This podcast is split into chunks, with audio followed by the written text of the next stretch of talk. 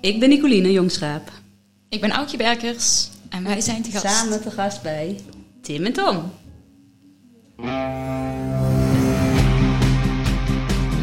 Welkom bij de Tim Tom Podcast.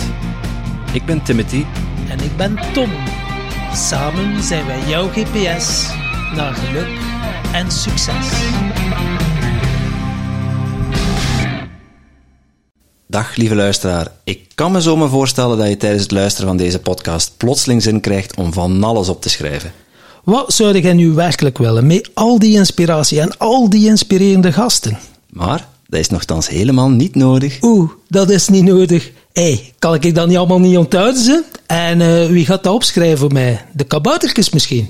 Nee, maar dat hebben wij al voor jou gedaan. Surf naar www.timtompodcast.com en daar vind je een blog boordevol tips en wijze inzichten van onze gast. En als je er dan toch bent, download dan meteen ons gratis e-book vol boekentips, luistertips en nog meer inspiratie voor jouw persoonlijke groei. Dag lieve luisteraars en welkom bij alweer een nieuwe route van de Tim Tom podcast. Uh, en dit keer zitten we op de boerderij, Tom. Ja, op de boerderij, maar niet bij u thuis. Nee, niet op uh, eh, die boerderij. Nee. Nee, in Arnhem. En uh, met twee ravissante dames die we hebben ontmoet tijdens het theatercollege van Erik Verhagen. En dat was grappig, hè? we zaten in de zaal en ineens draait er zo een mooie blonde zich om en die zegt: Hey, Tim en Tom. Wij, oh my god. Zijn al die moeten wij uitnodigen in de podcast. En we wisten bij God nog niet wie dat was, dus ik weet het nog altijd niet. Nee, we gaan het, uh, we gaan het straks eens vragen. En, en ja, toen we daar buiten stonden, toen uh, Ja. raakte ik aan de praat met Aukje. Ja, en Nicolien zei van, ja, jullie zijn met twee, ik wil ook iemand meenemen. En uh, ja, of was zo niet? Nee. Het bijna. Ja, Ja, oké. ja. En wij waren heel toevallig in Arnhem. En ja, we zochten nog een geschikte datum om de dames een keer uit te nodigen. En uh, voilà. Hier zitten we dan. We zitten er. Uh, je hoort op de achtergrond misschien wat muziek, wat bordengekletter en dergelijke. En dat komt dat we in een, zaaltje zitten in een brasserie. De boerderij. Yes. Voilà. Dames. Nicolien, Aukje, welkom bij ons aan de podcast. Hallo. Wij uh, starten de podcast altijd met de vraag van de vorige gast. En uh, ja, aan mijn partner in crime hier uh, de eer om die te stellen, want ik, Ja. ik onthoud ze eigenlijk niet stiekem. ja, gezien uh, dat mijn geheugen mij af en toe in de steek laat, uh, noteer ik ze altijd. En je mag ze elk apart eens beantwoorden. Hmm. Als jij een, een gepersonaliseerde nummerplaat zou hebben, hoe zou die dan klinken? Wauw, wat een vraag. De, dat is te veel letters. Ja, dat is wel. Een gepersonaliseerde nummerplaat zou hebben. Hoe zou die dan klinken? In België mag je dus, even context, in Nederland heb je gewoon twee cijfers, twee letters, twee cijfers of, of iets dat erop lijkt. Mhm. In België uh, heb je dat ook, maar als je geld neerlegt, dan kun je eender wat op je nummerplaat laten zetten. Dus Zo. je hebt gewoon volledige vrijheid om er een, bijvoorbeeld een woord op te zetten van dat dekt lading voor mij, dat ben ik. Beleef. Beleef. Mijn T of mijn D? Gewoon beleef zonder. Beleef. DT. Wil je je microfoon ietsjes dichter zetten? Jazeker. Dank je. Heb je iets minder bewegingsvrijheid? Ja, dat is moeilijk. Oké, beleef. En van jou, Aukje? Ja? Um, ja, een woord wat in me opkomt is dan wel omarm. Omarm. Oké. Okay. Verklaar je nader. Ja, verklaar me nader. Um, ja, mijn. Misschien val ik nou met de deur in huis, maar uh, kort geleden heb ik mijn zielsmissie ontdekt. En in mijn zielsmissie uh, gaat het om het omarmen van je authentieke zelf. Met alles wat daarbij hoort. En daar rolt ook mijn zakelijke missie heel erg uit. En nu ik dat zelf zo kan leven en ook alles kan omarmen. Ja, wauw, dat maakt het leven echt uh, heel veel meer leuk, rustig, vrij, liefdevol. Nou, en zo kan ik nog een tijdje doorgaan. Je zielsmissie ontdekt, dat, dat vraagt naar meer uitleg. Maar voor we daar naartoe gaan, wil ik yes. eigenlijk van Nicolien ook wel weten. Want beleef, waarom staat er bij jou op je nummerplaat beleef? Beleef, ik beleef het leven. In de, in de de mindere dingen die je tegenkomt en de mooie dingen die je tegenkomt. En ik gun de wereld ook weer wat meer beleving. Dat zie ik. En ehm, nou, vanuit mijn missie voor de kinderen van nu die het leven echt heel erg beleven, gun ik de wereld dat, waardoor we elkaar weer wat dichter, eh, wat dichter bij elkaar komen. En Mooi. ja, ik, ik, ik beleef het leven voor, om het zo maar te zeggen. En eh, door het leven te beleven sta ik wel waar ik nu sta. Met alles wat ik onderweg tegenkwam. Dat heeft me eigenlijk een heel rijk mens gemaakt. Door, door het ook aan te durven kijken. Dus, Nou, Dat vraagt ook nog veel meer uitleg. Dat top, ja. Ja. ja, we houden- nog een beetje spannend. Maar het is toch verwacht, Het is ook al eh, gevraagd. kenteken. Ja, een kenteken, dat had ik ook niet. eh. Mooi. Maar eh Aukje, vertel. Jouw levensmissie gevonden. Eén, hoe heb je dat gedaan? En twee, wat is jouw levensmissie? Ja. Ja, even heel kort eh, context, denk ik wel fijn. Ik eh, ben onderwijzeres geweest, heel lang, 13 jaar. En, ehm, en onderweg voelde ik dat ik iets wilde voor de kinderen. En dat was een hele lange zoektocht, wat dan? En of dat wel in het systeem, of ik dat wel daar ook kon brengen. En toen heb ik vorig jaar november het besluit genomen het een stukje nog in het onderwijs te willen, maar ook al een stukje erbuiten te gaan. Dus ben ik eh, ja, als kindercoach ook gaan werken. En daar voelde ik al meteen, echt na een paar weken dat ik met kinderen werkte, het, het zijn niet alleen die kinderen waar ik, waar ik bij mag zijn. Het is ook de omgeving eromheen. De ouders, de volwassenen, de leerkrachten. Nou, eigenlijk iedereen die met kinderen is. En daar begon mijn zoektocht. Dus toen begon ik eigenlijk ja, te, te, te, een beetje te, te fladderen. Van oké, wat is het dan wel? En heel hard te werken begon ik vooral. En daarvan voelde ik, dit, dit, dit werkt niet. Ja, ik kan heel hard werken, maar ik weet niet waar ik naartoe ga en wat dan. Ja, en toen kwam ik eigenlijk iemand tegen die ook te gast is eh, bij jullie, waar jullie ook vaker mee werken, Erik Verhagen. En ehm, ja, zijn training sprak mij super aan, omdat het niet standaard stappenplan is hoe te ondernemen, maar echt vanuit het hart op zoek gaan naar wat het is wat jij de wereld wil brengen. Ja, en toen dacht ik, oké, eh, dat wordt confronterend, denk ik, maar laten we maar doen, want hè, eh, dit fladderen, dat levert me weinig op. Nou ja, en dat was ook wel eigenlijk een hele confronterende reis. Ik ben daar in januari mee gestart, pas afgelopen januari. Ja, je gaat echt op zoek naar welke levensles heb jij gekregen. Wat, wa- waar zitten jouw pijnen, waar zitten jouw angsten? En daarnaast, precies daarnaast, staan ook je verlangens en je behoeftes. Dus dat vond ik super interessant. Ik zat nog heel erg in de wereld van die pijnen en die angsten. Daartegen te vechten eigenlijk. En toen ik leerde dat, het, dat er iets naast staat, dus dat de wereld heel erg en-en kan zijn. Je hebt en die pijnen, maar er zit ook een verlangen naast. En dat is een heel dun lijntje, heb ik wel eh, ontdekt. Ik, ik voel heel erg waar mijn grootste angst zit, zit ook mijn grootste verlangen. Dus ja, dat is een heel interessant spel. Ja, en, en, en dankzij het programma en de coaches daar en al mijn thema's eigenlijk aan te kijken, daar ehm, ja, de, de, de kracht naast te zetten, die er ook in zit in je verhaal, ja, ben ik tot mijn ehm, zielsmissie gekomen. En eh, die is, ehm, ik, Aukje Berkers, inspireer mezelf en anderen hun authentieke zelf te omarmen. Ik leef een rijk en rustig leven in zuivere verbinding met mijn spirituele bewustzijn. Mooi. En dat is hoe ik wil leven. En dan ga je eigenlijk een stap verder. Oké, nu ben ik als mens ook nog ondernemer. En dat omarmen van je authentieke zelf, dat is waar het mij om gaat. Dus het oordeel loslaten op wat er wel of niet mag zijn. Het is en en, het is er allemaal. Oordeel op de ander loslaten. Ehm, want het, het levert eigenlijk, wat mij betreft, heel weinig op. En dat we het weer vertaald eigenlijk naar de kinderen. Oké, wat, wat, wat doe ik dan met kinderen? Ik geloof ontzettend dat als wij het oordeel loslaten op dat gedrag wat we zien, dat er misschien helemaal niet zoveel gedragsproblemen zijn. En als we kinderen leren dat het gedrag ook een oorzaak heeft in henzelf, en als, als wij dat als volwassenen ook gaan zien bij de kinderen en bij onszelf, ja, dan de zaakjes lost het al vanzelf volgens mij heel erg veel op. En worden we allemaal wat liever voor onszelf en ook voor de ander. Is er veel meer ruimte, is er veel meer rust. Want het mag er allemaal zijn. En dan kom je zo ook weer veel zuiverder, dat zit ook in mijn zielsmissie, in verbinding met elkaar. Dan klopt die weer, omdat je elkaar echt kunt zien.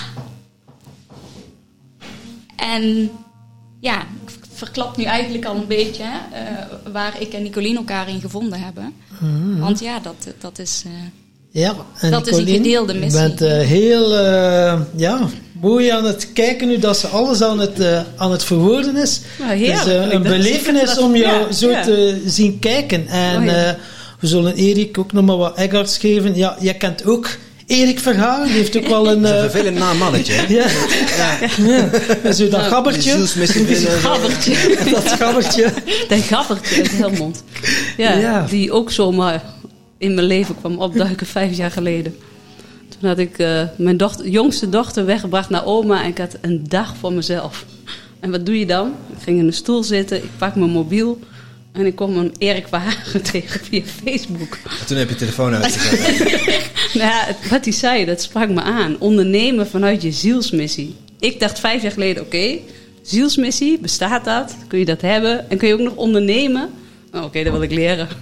dus voor ik het wist, had ik een belafspraak gemaakt met Erik. En dan ben je uh, gekocht, hè? Wat zeg je? Nou, met knalrode wang had ik maandag... ik zei toen tegen mijn man, ik, zei, ja, ik weet niet wat ik heb gedaan... maar ik heb een belafspraak met een businesscoach heb jij toch niet nodig? Ik zeg, nee, maar ja, het is het toch. En toen maandag zat ik een uur gesprek, inderdaad. En toen hoorde Erik een... Ik hoor een NicolineHoogster.nl in jou. Echt, echt. Ja, bestaat dat? Kan dat?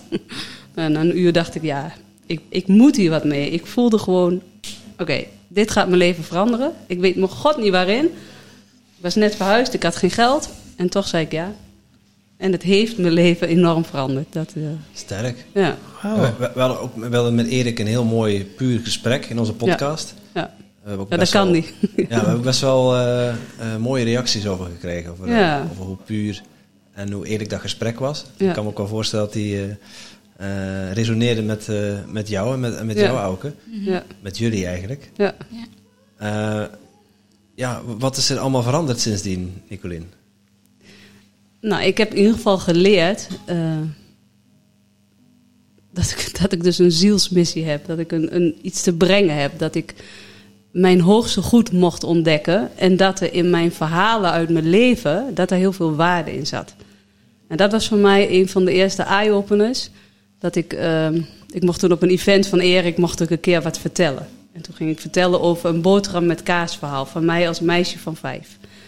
Nou, het, was voor mij een verhaal. Wil je het verhaal? Ja, eigenlijk wel. Wil je ja. mijn boterham met kaas verhaal? Ja. Wacht even waar dit naartoe gaat. Nou, ga ik gewoon keihard vragen naar boterham met kaas verhaal. Ja. Ik denk dat we de croque monsieur uh, kant op gaan. Ik ben verslaafd aan kaas, dus uh, ik mij, niet. mij kun je niet blijven ik maken. Niet, ik niet. Ik was een meisje van vijf en ik hield ontzettend van de gezelligheid aan tafel thuis. Het moment van eten.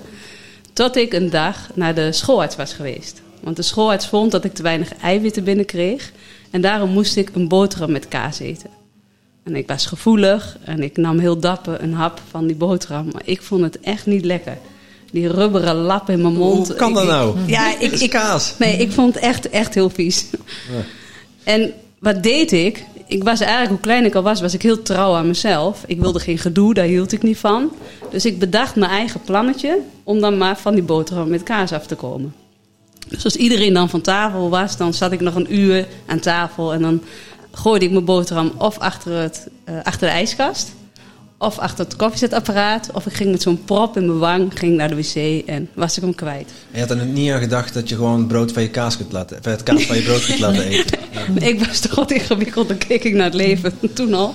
Maar, maar de altijd... volgende dag, wacht, de volgende dag kwam ik op school en er was ook de juf, die zat ook in het complot.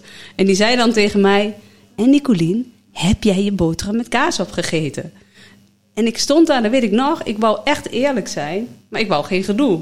Dus toen zei ik, ja. En dan kreeg ik ook nog zo'n verrekte sticker op mijn hand. En dat ging echt weken zo door. En het voelde echt niet fijn. Tot het moment dat ik een keer thuis kwam en mijn ouders een nieuwe koelkast hadden gekregen. Ja, en zij dus bergen beschimmelde kaas achter, het, uh, achter het, uh, de koelkast vonden. En nou, ik hoefde de boterham niet meer.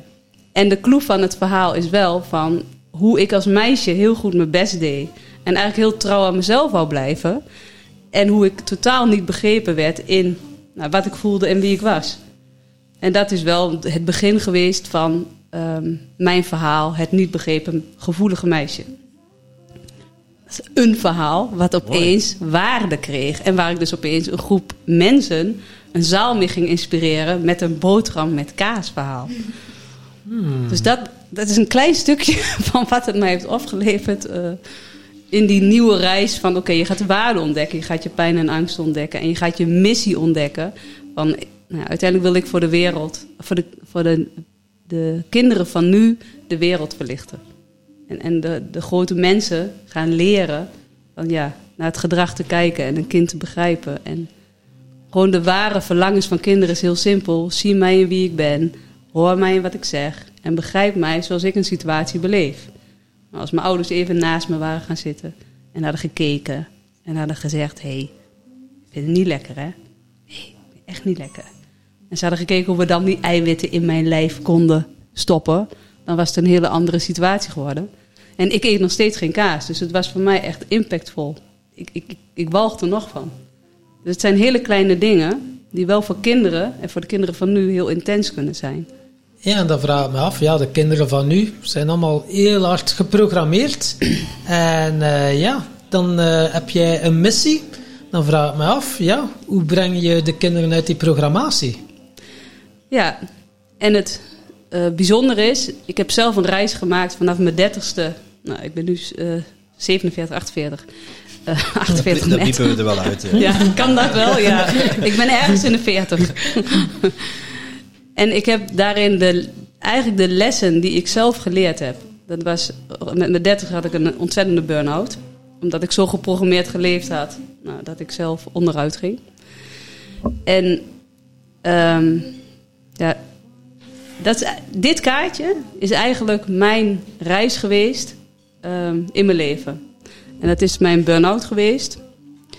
Waarin ik ontdekte, ik was toen moeder van twee jonge kinderen. En ik was helemaal op, helemaal overprikkeld. Ik kon eigenlijk niks meer aan.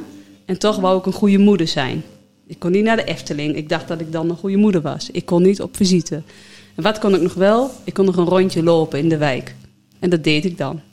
En mijn kinderen van twee en één, die zagen blaasbloemen. Van die paardenbloemen die je kan blazen. En nou oké, blaasbloemen blazen. Oké, ik deed het op de automatische piloot en hun vanuit beleving. En de vierde dag toen we dat ook deden, had ik een helder moment en ging ik eens mee in die beleving van mijn kinderen. Dus ik ging net als hun die blaasbloem blazen en die pluisjes volgen en we hadden heel mooi contact. En toen ik twee jaar geleden aan mijn zoon vroeg, die is nou 19, en ik vroeg hem, wat weet jij nog van die periode dat mama toen zo ziek was? En toen zei hij, ik weet daar niet heel veel meer van. En ik weet nog wel dat er heel veel blaasbloemen gingen blazen. En dat vond ik super cool. En dat was voor mij zo'n moment dat ik dacht, kijk, kinderen beleven het leven. Dus als wij heel simpel een minuutje in die beleving meegaan, dan hebben wij al heel simpel verbinding. Dus het is heel dichtbij. Maar goed, daar heb je wel ruimte en rust voor nodig, want anders vergeet je dat stukje. Ja, maar nou je hoor, ga door. dus, dit zijn de eerste twee stippen van mijn formule. Dat ik dacht, oké jongens, ruimte, rust, creëer het in de tijd. Soms vijf minuten, zet alles even stop. Zak in het moment en ga vanuit rust die beleving met kinderen weer voelen. Dat was mijn eerste stuk uit mijn, uit mijn formule. En het tweede stuk is vanuit vertrouwen nieuwsgierig kunnen zijn naar dat wat je niet weet, naar dat wat je niet kent. Eigenlijk wat wij hier in de podcast nu ontzettend aan het doen zijn. We hebben een stuk in de tijd. En vanuit rust en vertrouwen gaan wij nieuwsgierig zijn naar elkaar. En dit is het stuk dat ik uh, een dochtertje verloren ben met 21 weken zwangerschap. En het was het moment dat ik ontzettend verlang naar nog een keer moeder te mogen zijn. En na anderhalf jaar vanuit controle het gemanifesteerd had dat ik zwanger was. En dat werd een zwangerschap met onzekerheden. En uiteindelijk weer heel veel goede berichten. En vanaf 16 weken groeide mijn buik goed. Had ik alle uitslagen gehad, was het goed. En kon ik weer in vertrouwen zakken. En toen met 21 weken kreeg ik een echo. En ik lag er op die tafel. En het beeldscherm ging aan en ik ging vanuit controle ging ik kijken van ja, ik zie het ruggengraatje van mijn dochtertje, yes, het is goed. En op dat moment hoorde ik, het hartje van jullie kindje is gestopt. Oef. Dus dan staat je wereld stil en dan. En um, dat was woensdag en op vrijdag mocht ik bevallen. En donderdagavond belde een oud collega mij, Jacqueline. En zij zei tegen mij: Als je gaat bevallen, pak dan je moment en ga jouw kindje zien, horen, hè, voelen. Dit kan je maar één keer doen. En op dat moment dacht ik: Nee, dat, dat vind ik te spannend. Ik vind het eng. Ik, ik ben bang wat er gaat komen. En die vrijdag heb ik vanuit controle tien uur over de bevalling gedaan. zo, zo erg kan je je lichaam uh, besturen. En we hadden s'avonds een mooi moment met het gezin en met de familie. En rond middernacht dacht ik opeens aan Jacqueline. En toen heb ik naar mijn dochtertje Lot gekeken en ik heb haar gevoeld en ik heb haar gezien. Ik heb haar een kusje gegeven. En dat was het moment waar ik zoveel liefde door mijn hart voelde stromen, dat ik voelde: oké, controle, het levert je niet veel op. Ik ga vanaf nu mijn meisje eren en ik ga vanuit vertrouwen, nieuwsgierig zijn naar dat wat ik niet weet, naar dat wat ik niet ken, naar dat wat er in het moment kan ontstaan. En zo ben ik haar gaan eren en zo ben ik dat gaan oefenen in mijn leven. Van iemand die heel gecontroleerd leefde, tien jaar geleden, naar iemand die ging oefenen. Oké, vanuit vertrouwen, nieuwsgierig zijn. En ik ging dat vooral bij kinderen oefenen. Want kinderen zijn er heel dicht bij hun ware essentie. En ik merkte, als ik dat deed, dan had ik de meest pure kindgesprekken binnen een paar minuten. Dat is makkelijk. Dus ik kon ontzettend oefenen in de wereld van kinderen met mijn eigen formule en met mijn eigen nieuwe manier van leven. En zo heb ik ervaren vanuit beleving, vanuit ja, het leven echt beleven, dat er dus een formule ontstond. En doordat ik die formule gevonden heb, kan ik hem heel makkelijk uitdragen naar de volwassen wereld. En heeft de afgelopen jaren laten zien dat hij nou ja, met kinderen, met leerkrachten, met ouders werkt. Wauw, wat een verhaal. Ja, Wat een sorry. verhaal. Ja, oké. De, de lat ligt uh, hoog, hè, direct uh, voor je. Nee, en uh, maar- pas, pas jij die formule trouwens ook toe? Of heb je die geleerd van eh Nicolien? Of heb je de, de, je eigen versie van gemaakt? Ja, nou, dat is dus wel eigenlijk eh, het vervolg op waar ik net mijn verhaal eigenlijk gestopt ben. Want ehm, ja, toen vond ik, die, vond ik die zielsmissie en voelde ik mijn hart weer helemaal open. En ik dacht, yes, ik kan weer vanuit mijn hart nu gaan bewegen. Ja, en... eh, Kun je dat moment nog voor je halen? dat, is niet, ehm, dat is niet super lang geleden, hè? Nee, dat is helemaal niet lang geleden. Ehm, ja, ik, ik weet nog wel heel erg het moment dat ik het, ehm, behalve het voelen, ook vanuit mijn hart de wereld in durfde te sturen. Dat wel. Dat was wel ook een groots moment. Dat was eigenlijk bij de start van mijn podcast. Ik was erg gewend. Hè? Je hebt het over het eigenlijk niet begrepen, kind. Ik was een erg aangepast meisje vroeger. Ehm, dus ik was alleen maar bezig te voldoen aan de verwachtingen van anderen. En in de, de jaren dat ik wel in het onderwijssysteem dingen voelde en ook wel ehm, ja, me steeds meer persoonlijk ging ontwikkelen en ook spiritueel ging ontwikkelen, merkte ik wel, oh ja, in die omgeving paste ik mijn woorden aan aan die ander. Om maar niet meer buiten de boot te vallen of alleen te staan of nou, allerlei thema's nog. En ehm, toen ik het zo zuiver voelde, wat het is wat ik wilde gaan doen als ondernemer en wat ik in de wereld te brengen heb. Ik had al langer het plan een podcast te maken en toen voelde ik, oké, ik ga het nu helemaal in mijn woorden zeggen. En het is oké, want ik, ik voel dat zo. Dat is echt helemaal vanuit mezelf. Ehm, dus niks aangepast meer. Dat is natuurlijk weer wel die angst en dat verlangen heel dicht bij elkaar. Dus in een heel krachtig moment kon ik kiezen om dat echt ook met die woorden ook echt, ja, dus aan het publiek eh, ja, Spotify te gooien eigenlijk. En ja, maar af te wachten wie het zou horen. En dat voelde en doodeng, even. Ik kreeg een soort paniekaanval. Dat ik dacht, doe maar weer terug even. was even mijn hoofd die ging praten. En ik dacht, nee, ik kan weer terug. Weer naar dat fundament van die missie. Nee, dit is het. En dit is wat er in mij zit. En dit is wat ik voel. En ja, dit is het. En eh, je mag er van alles van vinden. Dat is prima.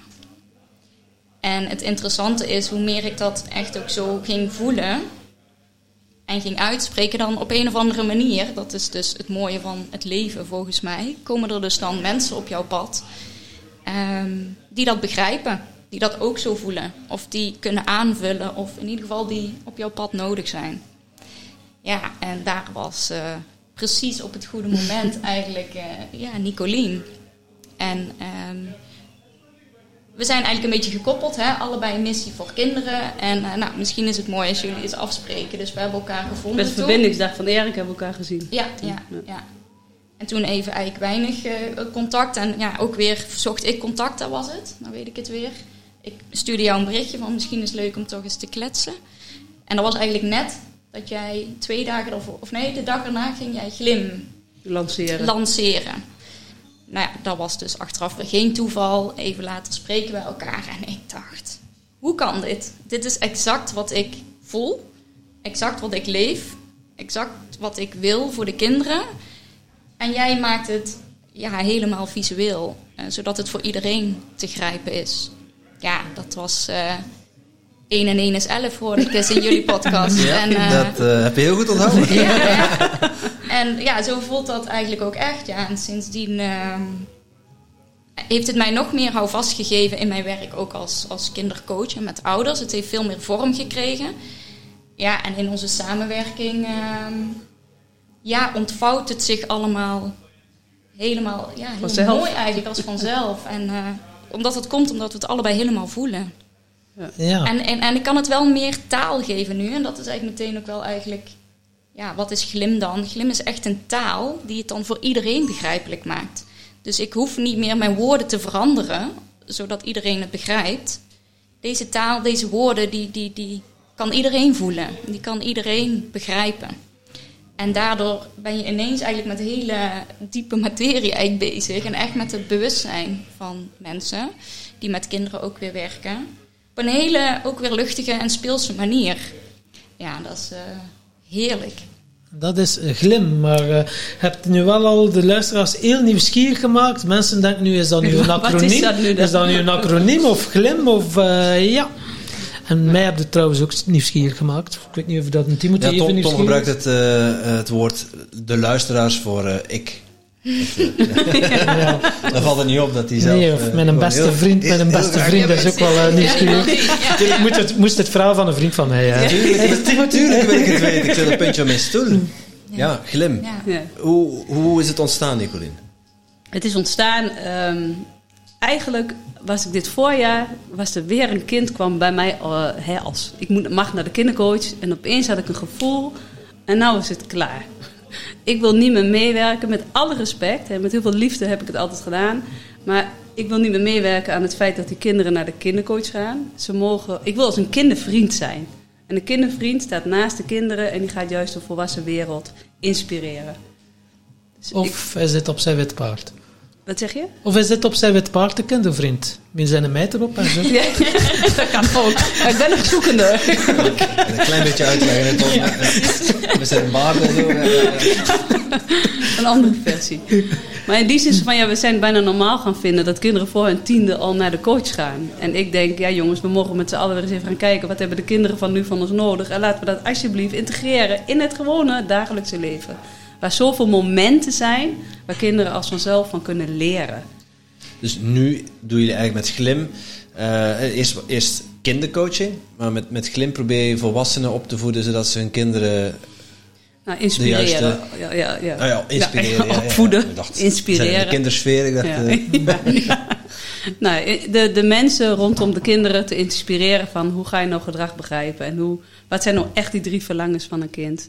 En hoe kun je dan, want het is dan verbinding en weerstand, hoe kun je dan omgaan met momenten van verbinding en weerstand? Dat het eigenlijk een samenspel wordt en dat het er allebei mag zijn. En dat we dus in het moment weer mogen leren als kinderen.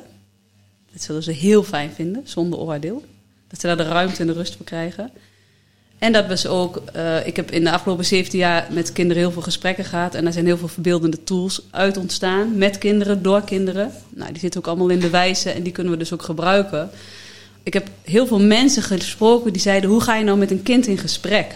En dan worden er hele ingewikkelde dingen bedacht. En dan worden er vragen bedacht voor een kindgesprek. En die moeten we dan mee naar huis. En dan ga je met je ouders die vragen beantwoorden. En dan kom je als kind terug op school en dan gaan we daarover praten. Maar dat is geen kindgesprek. Een kindgesprek is heel puur en heel natuurlijk. En ik probeer met glim ook weer nou, een grondhouding, een fundament te geven van waaruit je houding is. Dat die kindgesprekken als vanzelf ontstaan. Super mooi, super simpel. En daarnaast ehm, is glim een stuk van hoe kunnen kinderen nou in die authenticiteit zichzelf mogen leren kennen. Voordat ze moeten samenwerken of voordat ze een spreekbeurt moeten houden. Wie ben ik eigenlijk? Dat dat stuk ook gewoon weer de aandacht krijgt. En dat dat in het er zo een vraag op, oké, kinderen, hè, dan zijn dan kinderen van iemand anders, maar kan je überhaupt dezelfde gesprekken voeren met je eigen kinderen? Eh, of is er dan toch een verschil als moeder? Dat vraag ik mij dan wel af. Het is zeker een verschil of ik de rol als moeder heb en of de rol als kindervriend. En in je rol als moeder, ik ben 19 jaar moeder nou, heb ik mezelf ook echt ontwikkeld van nou, de moeder die echt vanuit controle het heel goed wou doen, naar de moeder die nu zo open in het moment staat en de opmerkingen van mijn kind kan horen. En als mijn kind tegen me zegt, als ik een hele drukke week heb, en ze zegt tegen mij, een heel sensitieve dochter, die na Lot nog geboren werd, ehm, mama, vind jij het ouderschap niet een beetje zwaar? Oké, je eerste reactie is, oké, doe ik het allemaal niet goed? Dat is ook bij mijn eerste reactie. Hoezo? Wak. Wow. Stop. Pauzeknop. Vanuit rust en vertrouwen nieuwsgierig zijn. Liv, zie ik eruit alsof ik het ouderschap zwaar vind? Ja, eigenlijk wel. Stop. Pak, nog eens Nog een keer. Vertel, wat zie je aan mij waardoor je denkt dat ik het ouderschap zwaar vind? Nou, gewoon denk dat jij het met Max een beetje zwaar vindt. Onze oudste. Ik zei, nou, ik zeg, op zich, ik zeg, weet je wat je ziet? Je ziet aan mij dat ik in mijn hoofd heel veel bezig ben met een dag die ik ging organiseren. Daardoor ben ik niet echt aanwezig en dan lijkt het misschien alsof ik het heel zwaar vind. Ik vind het niet heel zwaar, maar ik kan me ook wel voorstellen, want ik was heel afwezig. Als je zo'n vraag horen kan als moeder, en dat heb ik geleerd, dat heb ik geoefend, en jezelf niet persoonlijk afgewezen voelt, dan krijg je juist in die opmerkingen krijg je hele gave uh, gesprekken al. Je hebt geoefend, zet je tussen aanhalingstekens. Kun je dat, kun je dat toelichten? ja. Nou, geoefend die pauzeknop in te drukken voordat ik reageer. Dus ook even de pijn te voelen misschien. Het kijken, wat doet het met mij? En ja. hoe kan ik reageren dan? en, luisteren, zonder oordeel. Luisteren en wat voor vraag stel ik? Hé, hey, ik zie een boze stem, of ik hoor een boze stem. Jij bent boos om dat. Weet je, dat je ook de nieuwsgierige vragen weer durft te stellen. En ja, daar de ruimte en de tijd voor neemt. En kinderen willen altijd aandacht. Hè? Ze hebben altijd aandacht. Hoe kan je op een goede manier begrenzen bijvoorbeeld? Hey, kijk eens, kijk eens, kijk eens. Maar ja, je hebt ook eens iets van, wow, waar, wanneer heb je zo'n gevoel, wow, nu is het genoeg. En ga je aangeven van, wow. Ook je heeft uh, jongere kinderen. Mm -hmm, Die zoeken helemaal de grenzen op, volgens mij. Nou, ik vond jouw vraag al wel heel erg mooi. Hè? Van, van, is het een verschil of je als ouder met een kind uh, verbinding zoekt of uh, als, als, als een kindercoach of leerkracht of zo. Dus dat is zeker een verschil. Kinderen spiegelen jou de hele tijd. En jij bent er dus al heel bewust van, want jij zegt, oh ja, er zit iets anders in die relatie. Dat is ook al alleen een superbelangrijk stuk van Glim. Als een kind naar een kindercoach gestuurd wordt met de intentie, um, uh, verander mij, het gedrag van mijn kind, en ik blijf thuis en ik haal hem wel weer op, dan is dat heel kort, kortstondig eigenlijk. Hè? Dan is dat even in het moment. Maar ja, als die omgeving niet meegaat, dansen, ja, hoe, hoe duurzaam is het dan? En dus alleen al het bewust ervan te zijn, oké, mijn kind wil, uh, spiegelt mij, wil mij dus ook iets vertellen in het gedrag wat hij uh, laat zien. Ja, daar heb je al, al heel veel winst. Daar zijn lang niet alle ouders zich bewust van. Die zitten bij hunzelf en die zien, die zien het gedrag als iets losstaands. Ja, dat is een heel belangrijk onderdeel eigenlijk van glim. Dat het gedrag, dat is zichtbaar, maar daar zitten weer die pijnen en die verlangens, ook van een kind, zitten daaronder. Als je als ouder al uh, bewust gemaakt wordt van oké, uh, mijn kind spiegelt mij en wil me dus iets vertellen, vraagt de hele tijd mama, mama, mama, mama, mama. Ik merk nu met mijn, mijn kinderen, het is, uh, het is heel, de, heel de dag het echt een spel tussen die twee. Dus ik verbinding en weerstand. Verbinding en weerstand. En dat, ja, daar komt dat omarmen van alles ook weer. Glim is ook niet, het moet 100% van de dag volle bak zuivere verbinding zijn. Dat gaat niet. De wereld is snel, druk, er moet van alles. Dus wil dat, ja, alsjeblieft eigenlijk niet. Maar zie het allebei en omarm het allebei. als mijn kinderen dat doen wat jij net zegt, mama, mama, mama, mama, mama, dan weet ik, oké, okay, Aukje, ben ik er dan wel? Oh ja, ik heb al drie keer gekeken, maar keek ik echt? Nee, ik was met mijn hoofd al bij mijn autorit. Hoe lang is dat? Ik was eigenlijk En ik knikte maar ja. Oké, ja, komt eigenlijk dat stuk. Hè. Kan ik die ruimte dan pakken? Dat kan echt één minuut zijn. Want als je één keer echt kijkt en reageert echt met je hele zelf, zeg maar, dan, dan is, is je kind weer vervuld. En je zult zien dat hij de, de, die keer daarna dat hij weer van de glijbaan gaat, niet meer roept. Oké. En ja, dat is steeds het spel, ehm, vind ik, wat je dus eigenlijk ook de hele dag met je kinderen aan het dansen bent. Ehm, en je kunt niet heel de dag de ruimte nemen, hè? het huishouden mag en zo. Nee, ik heb, dus- een, ik heb een hele kleine kleine en die neemt zijn eigen ruimte. Ja, ja. Maar het is de, de kwaliteit, kinderen voelen heel goed aan wat de kwaliteit van jouw aandacht is. En als zij daarin zich gezien, gehoord en begrepen voelen, dan zijn ze ook best heel snel vervuld.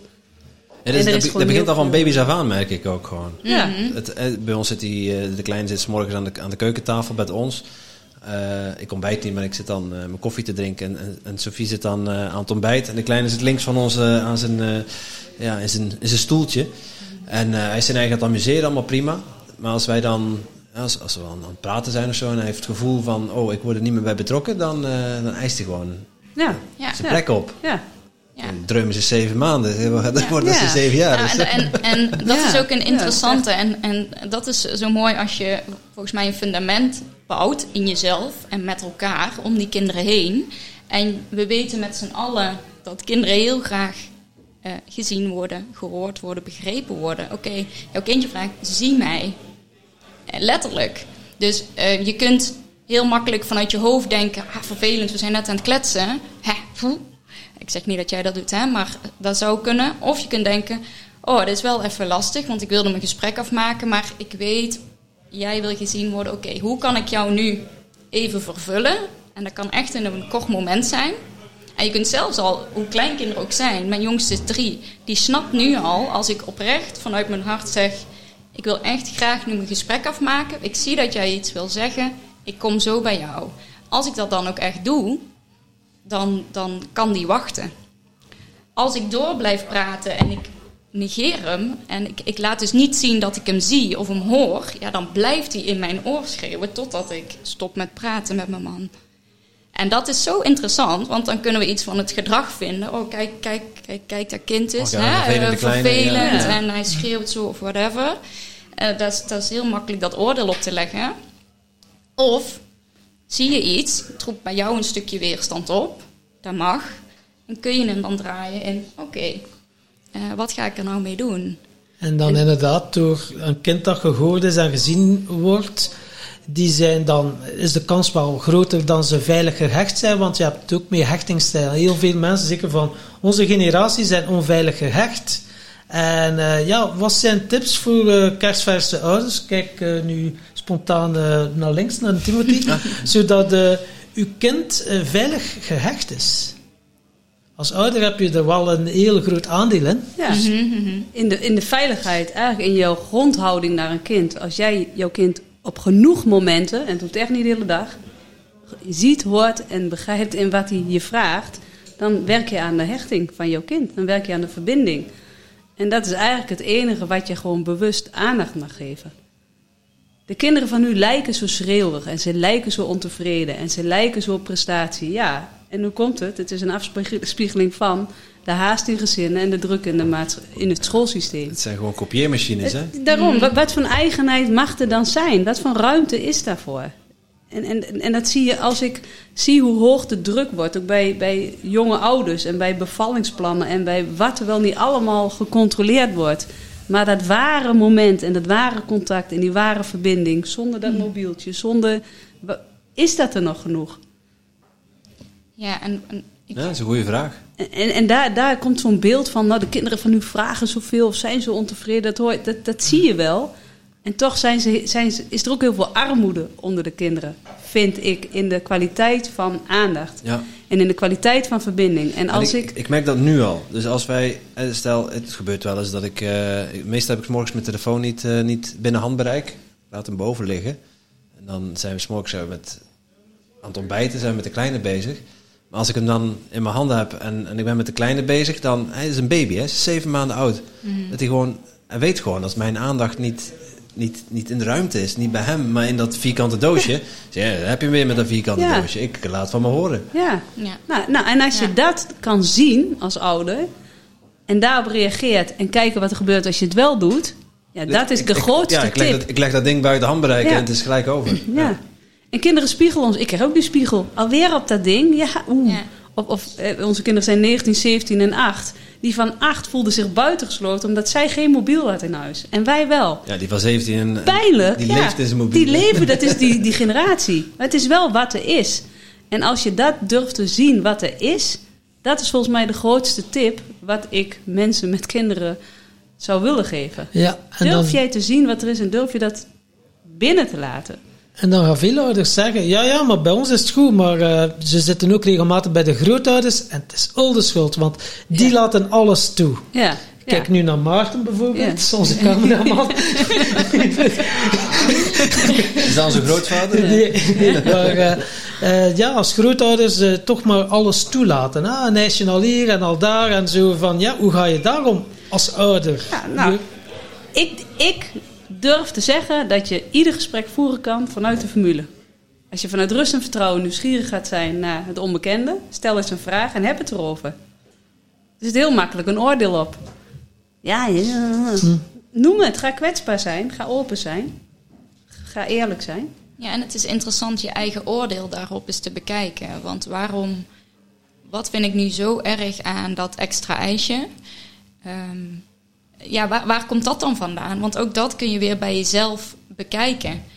Waarom je dat oordeel hebt en op welk niveau dat eigenlijk zit. Is dat wel iets eh, wat nodig is om op je kind te projecteren of eigenlijk niet? Dat is wel heel interessant, vind ik, met ouders vaak. Ja, de, de zelfreflectie is... eh, ja, het zijn spiegels inderdaad. Ja, ik heb nu een dochter van 20. eh, ja, die is al ja, van een spiegel gesproken. En om daar dan ook contact mee te hebben... Ja, kijk, ik heb gemerkt als ik nu terugkijk hoe dat, eh, ja, Naomi dan heb opgevoed... Ik heb heel veel pijn willen wegnemen voor haar. Ja. Dus eh, ook heel veel ervaringen afgenomen van Ja. haar. Dus eigenlijk is het een beetje egoïstisch. Van, oeh, je doet dat niet, want als je dat doet, ga je dat ervaren. Ja, en pijn is niet fijn. Ja. Maar ja, dan neem je wel die kind, hé, dat kind, wat dat was haar ervaring, Ja. die jij dan gaat fixen en oplossen. Nou. en, eh, Egoïst. Maar dit is wel essentie. En, en dat is vanuit heel veel liefde doen we dat. Want Ja. we willen het beste voor onze kinderen. En tegelijkertijd mogen we volgens mij de ogen weer openen. Dat kinderen het leven beleven. En dat ze juist vanuit die weerstandmoment of die pijn, als je er dan voor ze bent en samen kijkt, hé, hey, wat, wat kunnen we eruit leren, whatever. Dan mag het kind weer groeien vanuit die ervaringen en belevingen. En ik denk als we dat een stukje meer doen, dan gaat er zoveel ruis af. Ja, en die liefde ben ik blij dat je die aanstipt. Want iedereen die met kinderen is, doet het vanuit liefde. Ook al die leerkrachten die zo hard staan te werken, staan daar met liefde. Maar als er zoveel ruis op de lijn zit, dan ontvangt die andere die liefde niet. En deze formules geven zo makkelijk steeds eventjes weer ehm, de focus op die zuivere lijn. Waar gaat het nou eigenlijk over? Het gaat over die liefde naar elkaar en die verbinding. En dan... ehm, dan heb je weer die echte verbinding met elkaar. En dan, ehm, Ja, kinderen kunnen ook wel rumoerig zijn. En als je dan zelf niet voldoende bent opgeladen, dan loop je al snel leeg. Dan zijn het echt energievreters, energielekken. En dan ga je veel sneller reageren. Dus hoe kan je ervoor zorgen als ouder dat je in je kracht blijft staan? Want heel veel ouders zitten op hun tandvlees en gaan heel snel reageren. Hoe kunnen we er echt wel voor zorgen dat de... En dan wil ik hem toch teruggeven. eh, in die zin van het stuk bewustwording. Oké, ik, ik, de rol als ouder. Ik krijg de rol als ouder. En hoeveel ruimte maak ik daar daarvoor in de dag? Mhm. Ja, we, we hebben heel veel rollen die we vervullen in ons werk. Als buurman, als zoon, als dochter, als vriend, als Dat is vriendin. ontelbaar. Hè? En als een rol als ouder hou je je hele leven. Dat is de enige rol die je je hele leven houdt. En die doen we er dan even bij. Stephen Covey zegt in zijn boek dat het, eh, het werken is het nieuwe gezinsleven geworden. En het nieuwe gezin, of het gezin is het nieuwe werken geworden. Want op ons werk hebben we veel meer tijd voor verbinding en bewustwording en groei en competenties. En contact met anderen. Contacten, ja, we, kunnen, we hebben nog ruimte en dan komen we thuis en in korte tijd moeten we daar ontzettend veel fixen. Hè, met onuitgesproken dingen, de was, koken. Precies. Bad, ja. Dat is niet te doen eigenlijk. En dan moeten we dat binnen een korte tijd ook nog heel leuk zijn. Van ja, we willen wel die goede ouders zijn. We het goed doen, ja. we, willen het, we willen het heel goed doen. Dat is een verlangen van een, kind, van een mens. Hè. We willen het graag goed doen. Hmm. Dus wat wil ik nog zeggen? Ja, dus ik, het begint al bij de vraag: wat, wat is je rol en hoeveel tijd en ruimte ga je ervan vrijmaken? Als je het allemaal tussendoor wil doen, ja. En als ik mag toevoegen. Nee, dat mag niet. Nee. Dat mag toch niet. Ja, tuurlijk. Nou ja, het, het, het blijft me verbazen. Um, en kinderen snappen dit meteen. Ik heb dit sinds, kort die stippen ook gewoon in mijn praktijk liggen. Mijn jongste van drie, die, die pakt er al één. Mijn oudste van vijf, die, die snapt dit. Dus als ik thuis kom na uh, een dag, hè, zoals je zegt, eigenlijk heel vol... en je voelt eigenlijk van wauw, um, die snapt dit wel. En op de, als ik dat echt um, eerlijk en open ook weer echt oprecht met hem gewoon bespreek... dan, dan mag dat er ook gewoon zijn. Je zegt net stippen, maar we zitten hier in een podcast. Ja, sorry. Ja, dat, uh, de luisteraars die zien niet wat, uh, wat voor stippen jij bedoelt. Nee, de, de, de formule van Kun je verbinding. kort even schetsen? Ja. ja, de formule van verbinding.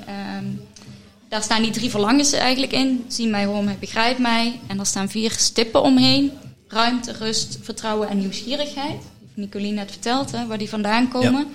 Vanuit daar kun je altijd weer op zoek gaan eigenlijk naar die verbinding met elkaar. En de elementen van weerstand Um, daar staan ook de drie ook angsten van de mens. Eigenlijk hetzelfde kaartje, maar daar staan de drie angsten van de mens. En dat is de angst alleen te staan, de angst te stralen en angst te falen. En het interessante is ook, dat zijn de angsten van kinderen, maar ook van jou en mij en iedereen. En wij zijn ook kind. Precies. Ja, ja, en dat is dat zo kind. fijn als je dat met z'n allen weet. Iedereen heeft dat. Dat is iets collectiefs. We delen dat met z'n allen. Dus we willen allemaal gezien worden, ook als ouder, terwijl ik al zo hard gewerkt heb. Ik wil ook begrepen worden, ik wil ook gehoord worden. We delen dat met z'n allen. En een kind begrijpt dat dus, want die heeft hetzelfde, maar met hè, andere, uh, uh, grotere stukken of zo, zeg maar. En uh, de elementen van weerstand zijn dan stippen druk, haast, controle en oordelen. En die hebben we op kaartjes, maar ook op uh, grote stippen. Die liggen dan eigenlijk hier. Um, waar ze in het groot op staan. En ook de kinderen die in mijn praktijk komen. Ik, ik heb ze eigenlijk nog niet eens verteld over de formule. En een kind pakt, pakt een stip vertrouwen van de week en zegt: Dat is wat ik nodig heb. Ja. Oké, nou, ik kan vijf coachsessies met dat kind doen, maar dat was dus wat hij graag, wat hij zo verlangde van thuis. En ik zit met ouders, ja, en die, die ja, ik hoef niks te zeggen, ik pak die stip. En ja, die, die worden emotioneel, omdat ze voelen, ja, daar heb ik zelf ook nog wel wat in te doen. En dat is zo mooi. Dus, dus dan is er eigenlijk alweer verbinding. Hè? Ze hebben nog niet met elkaar gepraat, ouder en kind. Maar ze zitten samen, ook energetisch in dat stuk vertrouwen. En er gebeurt dan van alles. Ja, dat is, uh, dat is prachtig. En, en als een ouder dan eens moe thuiskomt, ga het zeggen. Oh, ik vind het leuk om je te zien, maar het zit me tot hier. Weet je, ga eens gewoon vanuit het gevoel het gesprek aan. En kinderen hebben heel veel loyaliteit naar jou, dus er zal een verbindend moment ontstaan. Het is zo simpel, het is zo dichtbij en ergens zo ver van ons weggeraakt. Ja, en ik had het in het voorgesprek heel even erover. Ja, ik heb ook net een nieuwe relatie en Danielle sprak mij erover. Heb je al ooit gehoord van de innerlijke familie? Weet je wie dat je innerlijke meisje is, je innerlijke uh, jongetje, je innerlijke man en je innerlijke vrouw?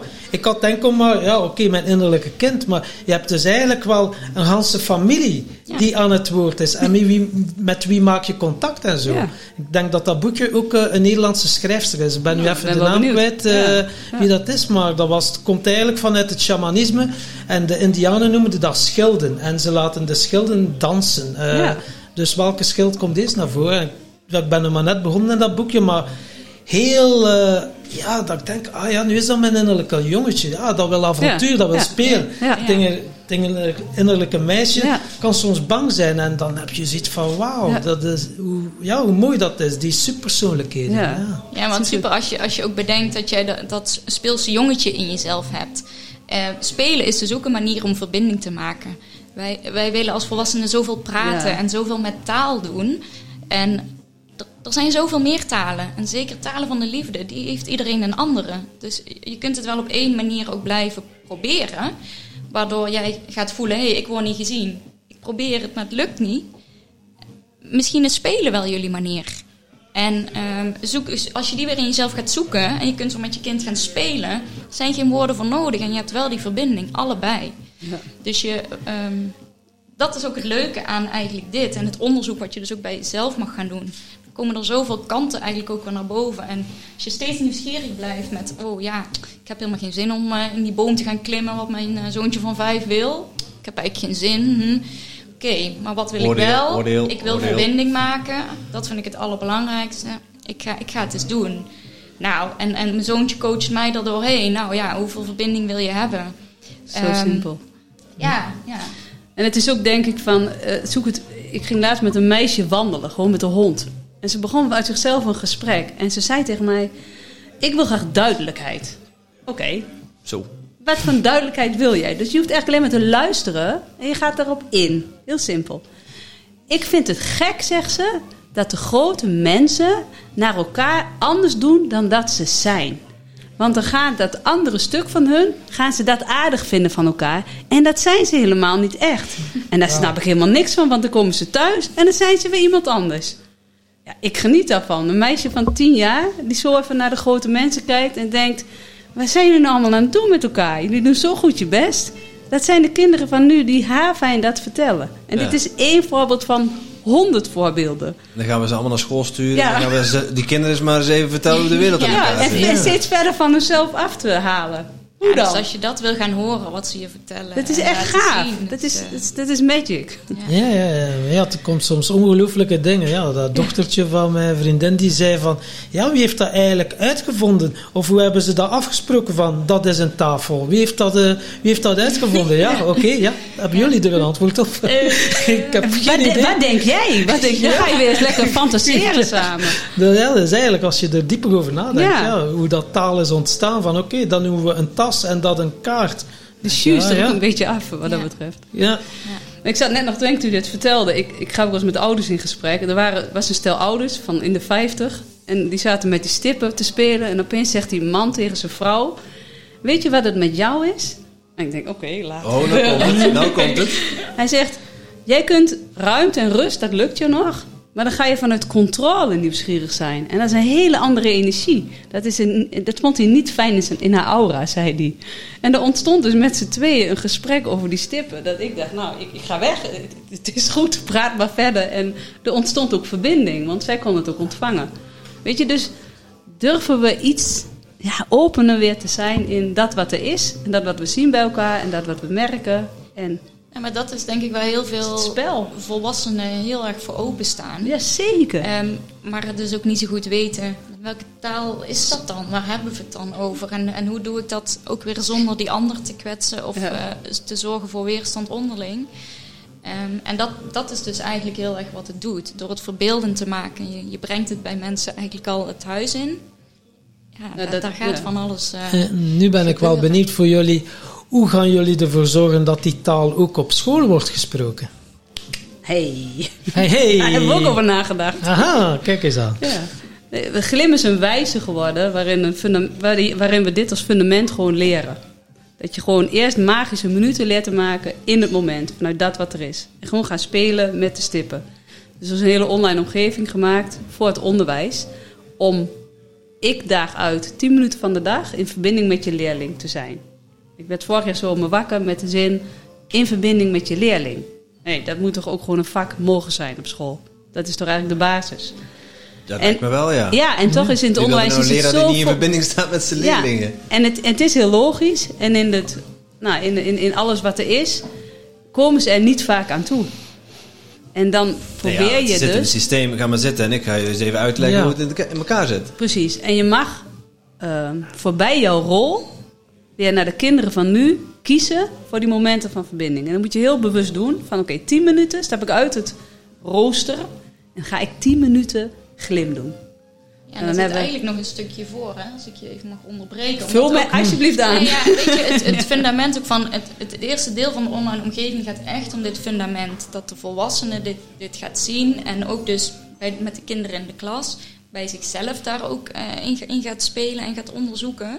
Waardoor er natuurlijk al enorm veel verandert. Nog überhaupt zonder dat je iets in dat rooster hebt hoeven doen. De manier van kijken wordt anders. Ja. Het is niet enkel, oh, ik zie boos gedrag, dan moet een sanctie op. En veel plat geslagen, want dat is veel genuanceerder natuurlijk. Maar het wordt dus dan al, ik zie heel boos gedrag. Wauw, wat zou er voor angst onder zitten?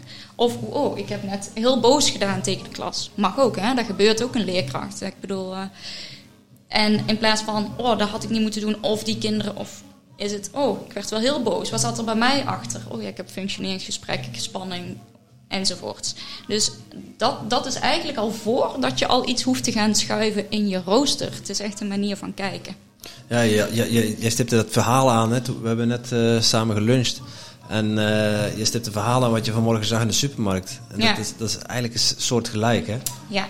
ja. Kun, kun, kun je van onze luisteraars even meenemen? Want ik vond het wel een boeiende om, om, om ja. hier eens te bespreken. Of hoe, hoe, ver mensen van hun eigen... niet in verbinding staan met zichzelf... en dan altijd maar mm dat op een ander projecteren. Ja.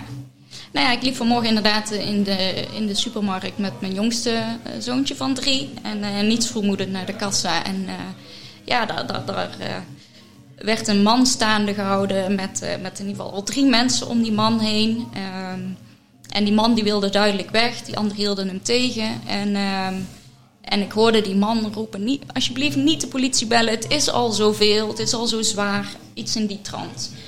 Um, maar daar werd niet op gereageerd. Eigenlijk, het tegenovergestelde gebeurde. Er kwamen van alle kanten uit de supermarkt meer mensen bij op die man. En hij werd zeg maar uh, achter een kamertje uh, gebracht. Nou ja, ik was met mijn zoontje, dus ik was hem uh, weg aan het leiden. En uh, nou, vervolgens sta ik weer bij de kassa. En daar vond ik het zo frappant, want um, het, ging, het ging volle bak over... Wauw, wat een mafkees. Hoezo ga je stelen? Dat kun je toch niet doen? Belachelijk. En nou, oordeel, oordeel, oordeel, oordeel. En, en, en ja, wat ik net ook zei, ze leken er ook bijna lekker van te smullen. Zo van, oh, soap, sensatie. Wauw, kijk die meneer.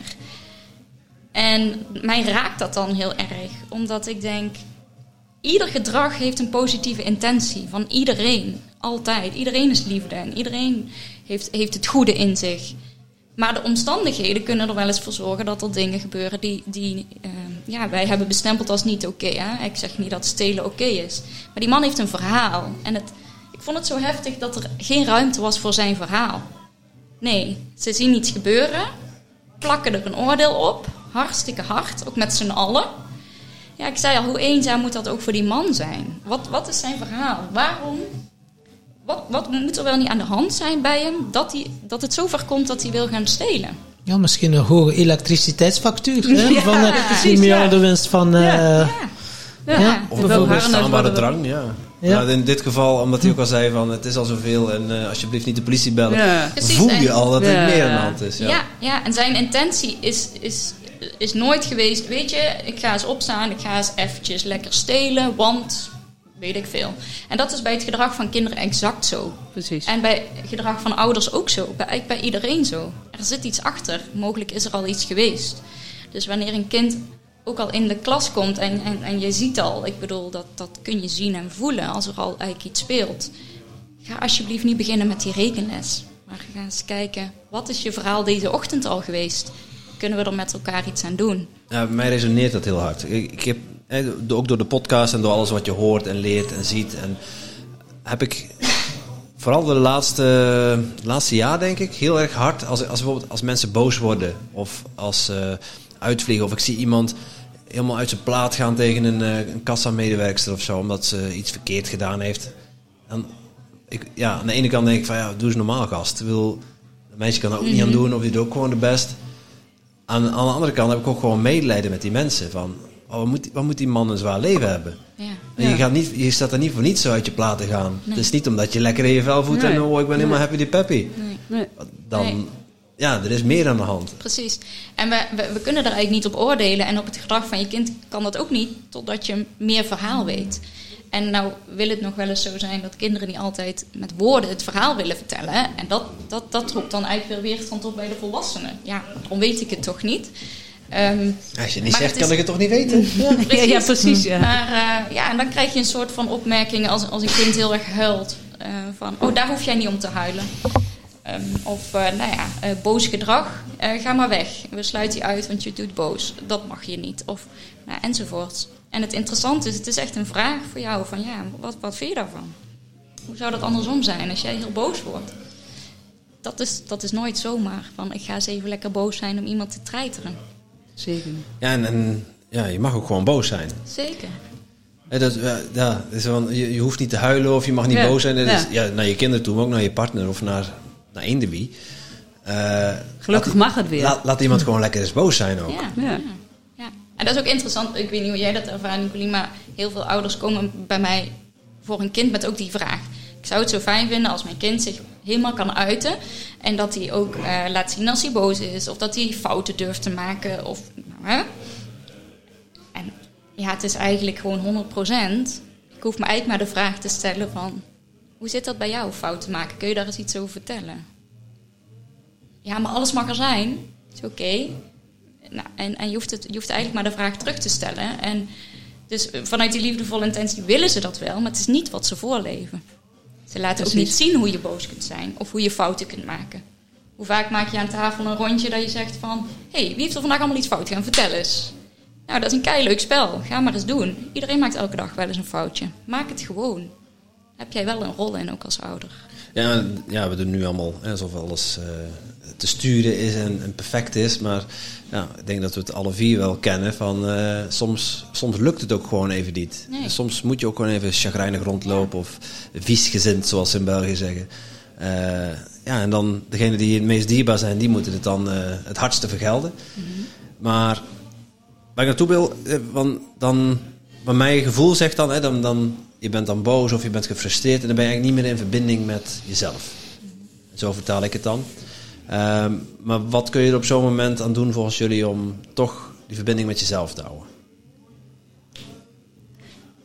Druk de pauzeknop in voordat je reageert. En ga vanuit rust en vertrouwen, nieuwsgierig zijn dat dat wat er is. Dat is eigenlijk alles. Simpel? Ja, het is super simpel. En durf de, de pijn in jezelf, durf in die interactie met het kind naar de pijn in jezelf te, te kijken. Als ik met een kind in gesprek ben en hij zegt: Jij bent nu aan het doorvragen of niet? Klopt, ik ben aan het doorvragen. Dat vind ik helemaal niet fijn. Snap ik. Dan ga ik er nu mee stoppen.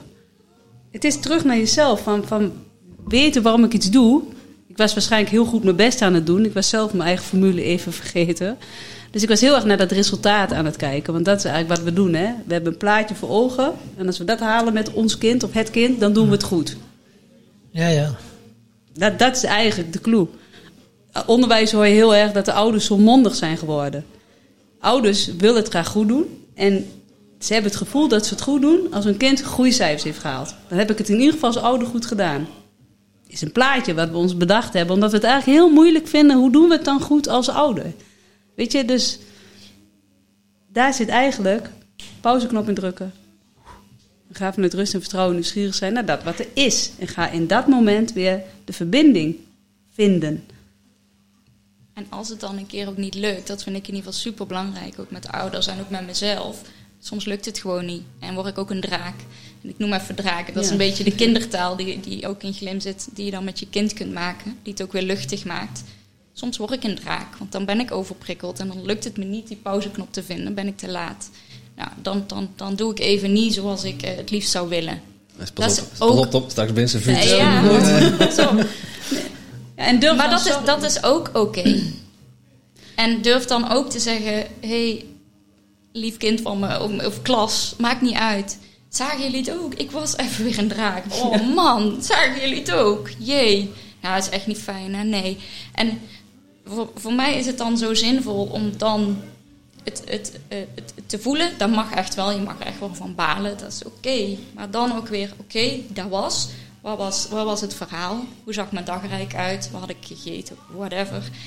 Waar kan ik misschien de volgende keer iets doen? Of wat zou ik anders willen?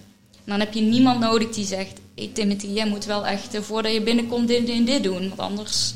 Nee, dat kun jij allemaal prima zelf bedenken. Als jij maar gewoon of gewoon ook omarmt als het even niet goed gaat. En dan kan jouw kind ook prima tegen.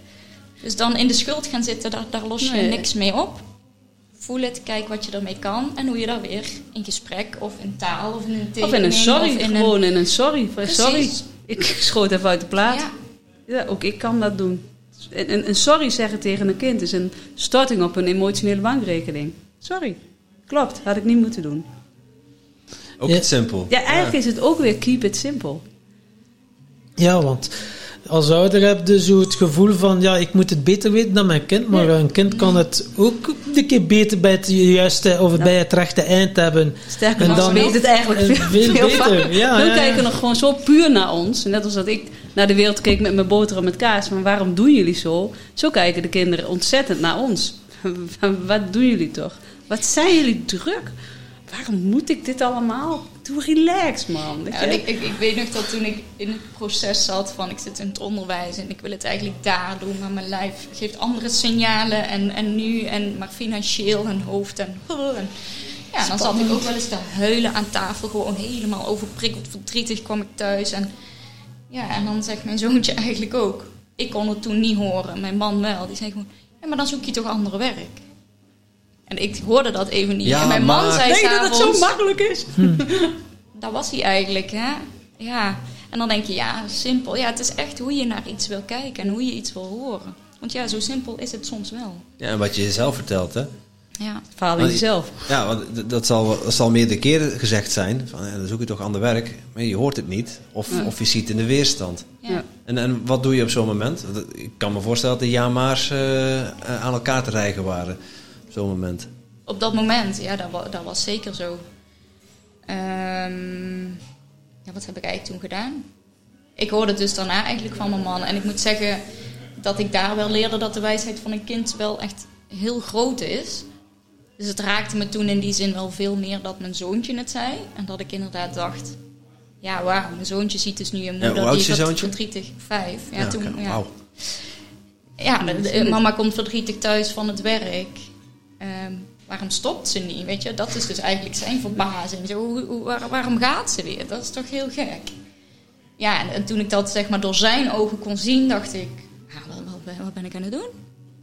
Ja, dat is dus wat ik nu mijn zoontje laat zien. Dat ik, dat ik met lood in mijn schoenen, um, omdat ik iets te brengen heb, oké, maar het, het voelt niet meer goed. Wat wil ik hem meegeven? Dat je je gevoel mag volgen in de wereld. En, dat je blij mag zijn. En uh, ja, in school van, uh, is het nogal makkelijk. Zeker in onze tijd, ja, als je iets fout doet of uh, geluisterd niet, word je gestraft. Maar ik heb wel zo de indruk van in de, in de filosofie van Glim, werk je niet met straffen. Maar als je echt iets doet dat volledig over de schreef is, hoe ga je ben ik wel benieuwd naar. ik voel ook van, ja, straffen is niet de, de manier. Nee. Mm. Dus er zitten allemaal verbeeldende tools in, bijvoorbeeld een rode lijst en een groene lijst ik heb dit is allemaal ontwikkeld met kinderen door de jaren heen. En toen mijn zoontje acht was, had hij ook een keer wat gedaan. En op een moment dacht ik, oké. Eindelijk, hij heeft dus iets gedaan. Hij heeft wat gedaan. Nou kan ik oefenen. Maar ik denk niet dat je het over de afwas hebt. Nee, nee, nee, er was buiten iets gebeurd wat niet kon. En toen heb ik hem een papiertje gegeven met een rode stift. Ik zei, weet je wat? Je maakt er maar een tekening over wat volgens jou niet goed ging. Ik zie het zo, of je schrijft er wat bij. En ik gaf hem een blaadje met een groene stift. Ik zeg, dan ga ook maar bedenken wat de oplossing is voor jou en wat je zelf zou kunnen doen.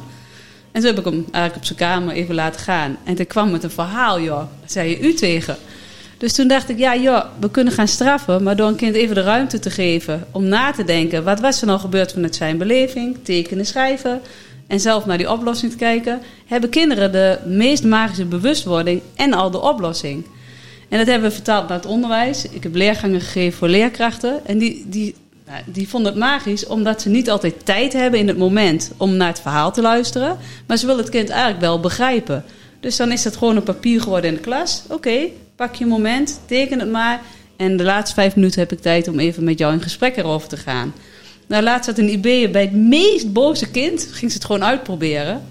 En dat kind ging als een krassen op die rode, op die rode lijst. Alle boosheid kwam eruit. En op een gegeven moment ging hij de woorden bijschrijven. En hij werd steeds rustiger. En zij zit echt zo te kijken van, nou, dit, dat gaat lekker. En toen pakte hij het groene en kwam hij met een oplossing. En vertelde hij wat, hij zo, wat hem zo boos had gemaakt. Dus dan geef je een tool. Je geeft even de ruimte. Je geeft even die beleving. Kinderen beleven het leven. Dus sluit aan bij die beleving. En het is weer met een paar minuten al opgelost. En dat is gewoon, als je die weerstand ook kan omarmen. En je kunt nieuwsgierig zijn naar dat wat je niet weet. Ja. Heb je hem? Heb je hem? Dan ontstaan er als vanzelf vanuit die kinderen de meest wijze oplossingen. Het is echt.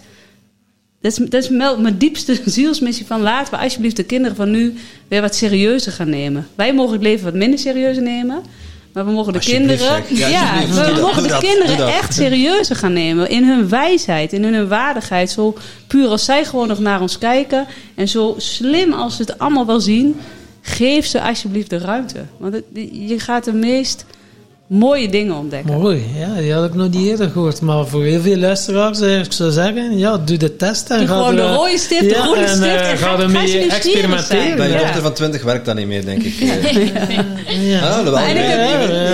ik, heb, het nog niet geprobeerd, dus uh, ik ga toch de test, als het zover is, ja, toch een keer... ik vind het eigenlijk ook wel mooi dat je daarin ook weer mag loslaten. Ik heb namelijk ook kinderen die op dat moment in het rode zitten te heftig vinden. Die voelen nog zoveel, die, die willen dat niet.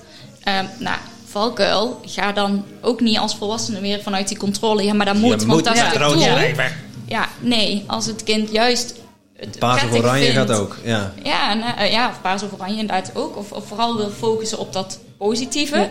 Je kunt ook weer te blind daarop. Je moet alles wat niet fijn is uh, uitspreken of tekenen. Als het voor dat kind andersom werkt, laten. Het gaat om dat kind. Het is, het is ook van het kind. Je mag begeleiden, maar je mag hem niet overnemen. Ja, en ook daar weer niet oordelen wat er op het blad staat natuurlijk. En dat, heel veel kinderen zeggen ook van... Uh, en dan ben ik boos en dan moet ik in de kamer blijven, want dan moet ik praten. Hoe moeilijk is dat? Als je heel boos bent en dan moet je op dat moment praten. Nee, dan moet je juist lekker boos kunnen zijn. lekker. Even op je eigen plekje, dan loop je lekker weg. Terugkomen. Ja. Nee. Nee. Laat. Ja. Dus je, daar mag iets meer. Ja, dat is dan ook weer het aanvoelen als ouder natuurlijk. Want boos zijn heeft ook zijn grenzen. Hè? Als je dan met, glazen begint te smijten en zo naar je hoofd bijvoorbeeld. Dan, uh, ja, dan kunnen we zeggen, ben je maar lekker boos, joh. Uh, nee, en ik ben echt van kader ook hoor. Het is echt niet onbegrensd. En het, het, het is de curling ouders dat alles om de kinderen draait. En dat er niks, dat is het helemaal niet. Het is gewoon in het moment, in dat wat er is, dat we daar gewoon weer meer naar durven Mooi woord. kijken. Curling-ouders. Curling ik weet niet wat dat curling is. Uh, ja, nou voor de luisteraars die niet weten wat dat curling is. Dat is zo, ja, een sport ik snap het nog altijd niet, maar uh, ze smijten een schijf en dan met de veegborstel zijn ze aan het vegen om ja. het zo dicht mogelijk... Uh, zo glad mogelijk te houden. Hè? Zo, zo, zo, zo glad ja, mogelijk te houden. Ja. Heel mooi. Curling-ouders. Ja, dat... kun, kun, je dat uitleggen wat je ermee bedoelt? Nou, de curling-ouders die alles zo glad mogelijk willen hebben en het allemaal willen oplossen voor ons kind. Omdat we willen dat ze zoveel mogelijk verdriet en emotie bespaard blijven. Dus we zullen het heel goed doen. We zijn ze of aan het vermaken of, of toch verbieden, maar ze lopen op hun tenen. En um, het tegenovergestelde is in dat wat er in het moment gewoon is. En dat durven aankijken. En of het dan weerstand heeft, of het is verbinding, of, of het is je eigen pijn, of het is je eigen boosheid, of je bent zelf een zagrijnig. Alles mag er zijn en alles is oké. En, en dat is beleven. Misschien komt daar het woord beleven ook weer. Uh, durven wij de momenten gewoon weer te beleven. Ja, prachtig. En hebben jullie nu al een soort community met Glim? Of, of hoe zien jullie het? In de ideale wereld, hoe zien jullie Glim? Want het, eh, mijn eerste vraag is, hoe Wil lang... nog iets drinken? Wil iemand nog iets drinken, behalve water? Uh, nee, nee, ik heb... Uh, is goed. Met uh, gemberthee. Uh, Zie Maarten. Ja, ik... Ja. Je mag hem ook negeren, hè? Ja. nou, Aukje is in juni mijn eerste glimmer geworden. Zij kwam op mijn pad en zij omarmde het zo dat dat eigenlijk het begin is van glim. En het is nu september en we hebben acht glimmers nu in Nederland. Uh, Rotterdam, Brabant, Twente. En het gave is dat dus, het zijn allemaal mensen met een missie voor de kinderen van nu, die allemaal vanuit hun eigenheid er vorm aan geven. Dus de een, er is nou een Romy bijvoorbeeld, die wil heel graag de, de zwangere ouders of de, de, de prille ouders heel graag gaan inspireren, al met glim. Om die, omdat zij een ervaring heeft van, als zij dat had geweten toen ze net moeder was, dan had ze heel veel nou baat bij gehad. Laat ik het even zo uh, zeggen. Of daar had ze heel veel interesse in gehad. En er is iemand anders die is in Rotterdam bezig met sportclinics. En die wou daar meer bezinning aan geven. Dus die gaat nu glim bewustzijnssportclinics geven aan kinderen. Dus, dus de tools en de houding krijgt op zo'n eigen manier ja, kleur. En iedereen gaat in zo'n hoge energie voor de kinderen van nu hun eigen zielsmissie uitrollen met een formule die, die bewezen is. En zo kan ik het zeggen, want hij is 17 jaar getoetst. Hij doet het. In de praktijk, ja. Ja, ja. Aukie heeft acht trajecten met ouders gedaan. En ze zeiden allemaal ja. En, en, en ze, ze begrijpen het en ze zien hun kind weer terug. Dus die eigenheid, ieder op zijn eigen manier vanuit het ondernemerschap. Dus en iedereen kan glimmer worden. Want ik denk nu, ja, waarom zouden we het niet over de grens brengen naar, uh, naar Vlaanderen? Want ja, er is ook wel behoefte en nood aan. Dus zeker. dan kunnen mensen nu je, uh, bijvoorbeeld je gewoon contacteren van hey, ik ben, ben geïnteresseerd om glimmer te worden. En komen jullie dan samen of hoe gaat dat? Of, uh... we, hebben, we hebben raak- en kraakdagen van glim. En dan gaan okay. we van 10 tot 10 gaan we samen zijn en dan gaan we ook helemaal laten voelen wat glim is. En dan mag je ook voelen of het vanuit jouw hart en ziel ook echt klopt. Ik heb ook wel eens iemand gehad die dacht, oh dat wil ik ook, maar het paste niet. Dan moet je het ook helemaal niet doen, want dan worden het trucjes. Dus het is, niet een trucje. Het is ook niet een methode die erbij komt. Er is heel veel allergie ook in het onderwijs bijvoorbeeld. Oh, komt er weer wat bij? Nee, dit is iets anders. Als je dit gevoeld hebt, dan wil je er meer van. En dat is het verschil met glim. En, nou, en het is ook wel mooi als ik even mag aanvullen. Want, Zeker. Um, dat doet ze heel goed bij mij altijd. Ja, dat mij aan. Ja, er zijn wel verschillende sporen. Want ik zei al, ook onze samenwerking ontvouwt zich, glim ontvouwt zich steeds meer. Het was heel erg ook hè, vanuit ondernemerschap. Ik was kindercoach, ik wilde meer. En ik kon onder mijn eigen zielsmissie kon ik het fundament van glim leggen als handvaten eigenlijk. En daarmee de wereld in. Maar, en toen zijn wij ook gaan denken, hoe komt het in die scholen? Dus we waren met leerkrachten bezig, maar we hebben ook ouders. En eigenlijk gaandeweg beseften wij, kwam dat al heel even te sprake, het gaat helemaal niet om wie, wie dit wil. Het gaat om iedereen die verbinding wil, meer verbinding wil, of met zichzelf of met het kind. Dus eigenlijk zijn er verschillende sporen ontstaan die je met glim kunt doen. Als jij voelt, hey, dat fundament, uh, daar wil ik iets mee, daar kan ik van groeien, met welke intentie dan ook daar is een online stuk voor. Dus je bent welkom op die raak- en kraakdagen inderdaad. En er is een online stuk, puur het fundament. Kun je lekker mee gaan spelen. Dan nemen wij je, Nicoline heel erg weer mee in die beleving ik maak eigenlijk de transfer weer. Eigenlijk misschien wat ik hier ook zit te doen. Uh, ja. Heel natuurlijk. Ja, wat betekent dat dan voor jou? Ja, Oefeningen erbij? ja, ja, ja, zeker. Dat is een hele goede aanvulling. Ja, en als dat fundament zit en jij voelt... ik wil ook met het kind aan het, de eigenheid van dat kind werken. Dus ik wil nog een stapje verder. En ik wil het kind zichzelf nog meer laten ontdekken. Ja, daar zitten eigenlijk die verbeeldende tools bij... die je allemaal helemaal in de klas kunt gebruiken... Of ehm, als jij een uh, kinderopvang hebt, maakt het niet uit. Nee. Maakt niet uit wat je bent. Dus jij voelt, we wilden meer tools om daar echt mee te gaan spelen. En het, belang, het belangrijkste is dus dat die niet meteen komen. Die kun je ook niet los uh, nog krijgen. Omdat dat fundament voor ons zo belangrijk is. Omdat je vanuit daar tools kunt gaan gebruiken. Maar niet, oh ik heb weer iets om te fixen. Precies, maar dan worden trucjes. Je moet wel vanuit die magische minuten, vanuit die beleving voelen de weerstand, de verbinding, dat is het begin. Ja. En vanuit daar kun je bouwen. En, en, uh... Dus ja, dat, dat fundament is eigenlijk voor iedereen. De tools die je wil kun je uitbreiden, ook online. Dat het ook weer um, live dagen bij als je zou willen. Dat is allemaal helemaal op maat, hè, wat, wat jouw behoefte is. En jij vertelt net inderdaad heel mooi het, een, een heel spoor voor ondernemers. Die helemaal meegenomen worden. Mooie live dagen. Wat betekent dat dan voor jouw onderneming weer? Hoe past dat dan? En hoe kun jij die tools zo goed mogelijk inzetten, enzovoort, enzovoort. En ik, ik, dus, heb, uh, ik, ik heb net denk ik ergens iets gemist. Uh, dus ik ga het gewoon nog een keer vragen. Maar glim, hè? jullie hebben uitgelegd wat het is, wat we ermee doen. Maar waar komt die naam vandaan? ik heb toen, tijdens een etentje, zei ik opeens tegen iemand... Ik vind dat naast het onderwijs, waar het veel gaat over slim... mag het ook gaan over glim. Ah. En toen zei diegene tegen mij, en wat betekent dat dan, glim? Ik zei, ja, wat betekent dat? En toen kwam het zo door me heen. Dat is dat gouden lijntje in mij. Oké, dus het woord was eerder dan... Gouden lijntje in mij. Gouden lijntje in mij. Wow. Hey. hey, wauw. Dus dat was heel bijzonder dat het woord al uit me kwam voordat ik bedacht had wat het was. en het is het gouden lijntje nou, in mij wat ook naar de ander het gouden lijntje uitrolt. Naar elkaar, naar het web. En de glimmers van Nederland, Vlaanderen en de wereld. Dit zijn de mensen die een missie hebben voor de kinderen van nu. En vanuit hun eigen authenticiteit dat gouden web weer uit gaan stralen. En als je ziet dat we nu al acht glimmers hebben met een hoge energie. En ja, ik, ik word er echt ook geroerd van. Hoe graag ze willen en hoe gretig ze zijn. En met welke stappen ze komen. Dat ik met liefde ook ja, daarin mijn, mijn armen wijd heb. En, en ze inspireer en ze help in de stappen zetten.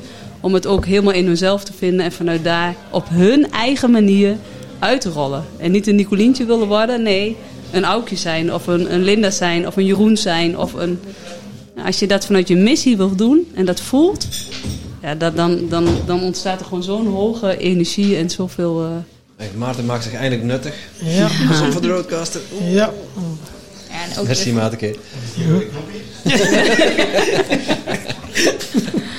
En het is gewoon spelen, het is ervaring opdoen. Ik heb toen een groep leerkrachten geïnspireerd over kindgesprekken voeren. En toen gaf ik ze alleen eens de gevoelsmeter. Die gaat van blauw tot rood. En toen, toen zeiden ze, ja, hoe moet ik dat dan doen? Weet je, heel veel mensen vragen, hoe moet dat dan? Ik zeg, ga nou eens voor die klas staan. En laat alleen de gevoelsmeter zien. En vraag aan de kinderen is, oké, lieve kinderen. Hoe werkt mijn gevoelsmeter, denken jullie? En dat deden ze allemaal en ze schrokken ervan. Hoe die kinderen heel haarfijn konden vertellen wat de mensen deden. Zet dat er maar naast. Uh, ja.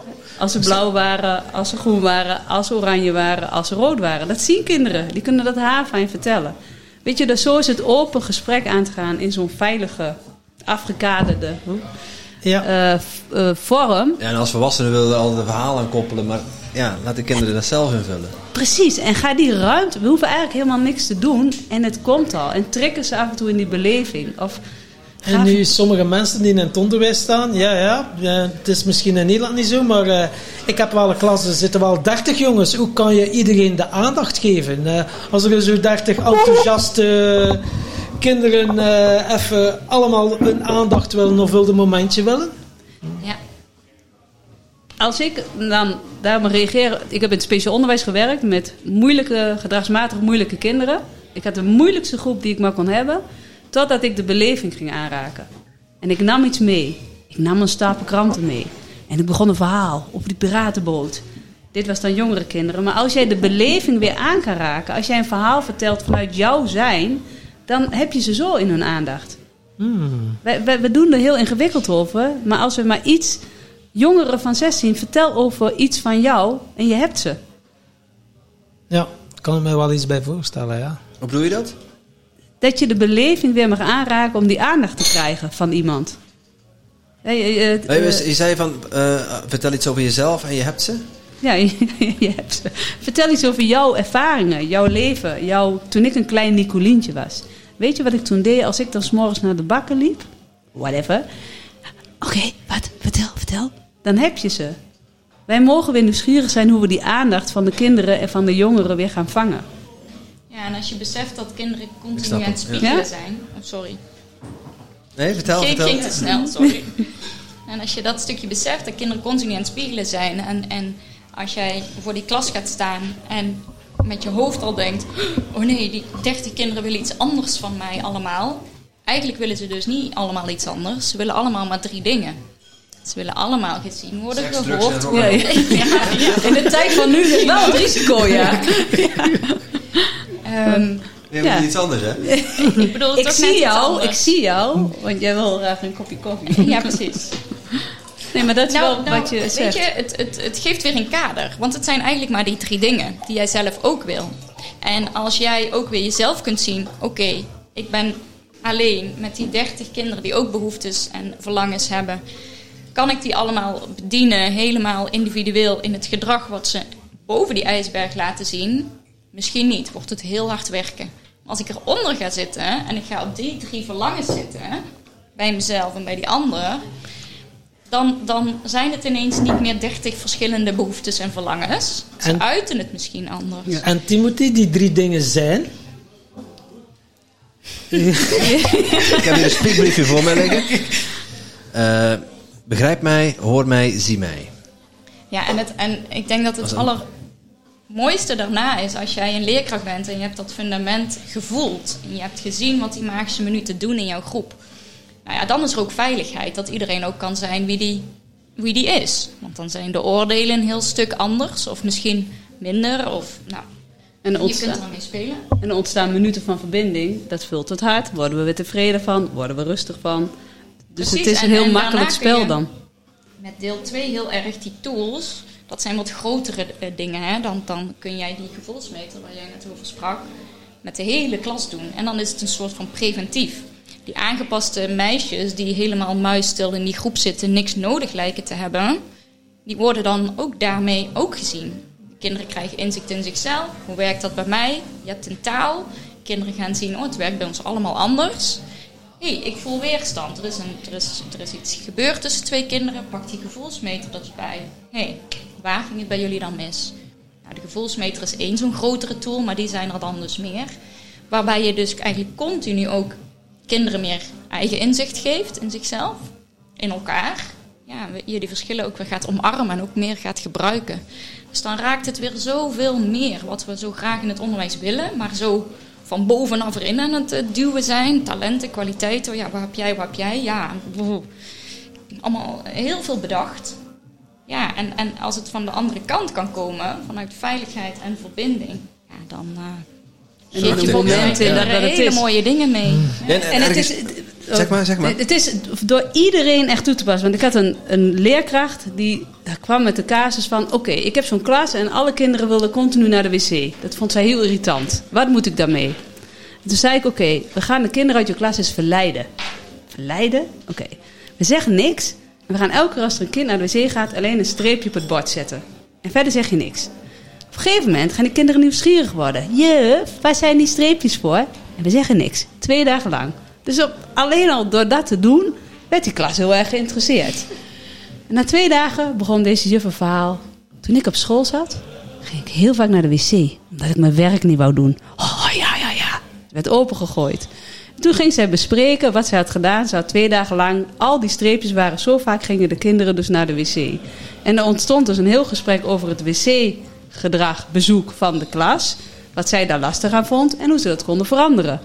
En binnen mum van tijd was er een verandering. En was het opeens gezamenlijk iets geworden met de klas. En zij was er zo verbaasd over hoe simpel door gewoon die nieuwsgierigheid te triggeren. En hoe grappig Die ook, beleving. Ja, hoe licht, hoe simpel we het dan maken. Gewoon niks zeggen. Werd ze zelf ook weer wat losser van. Nee. Wat speelt ze van. Dat doet gelijk wat in de energie. En daar mogen we meer van. Als je dat gevoeld hebt, wil je daar meer van. En dat krijg je een glim.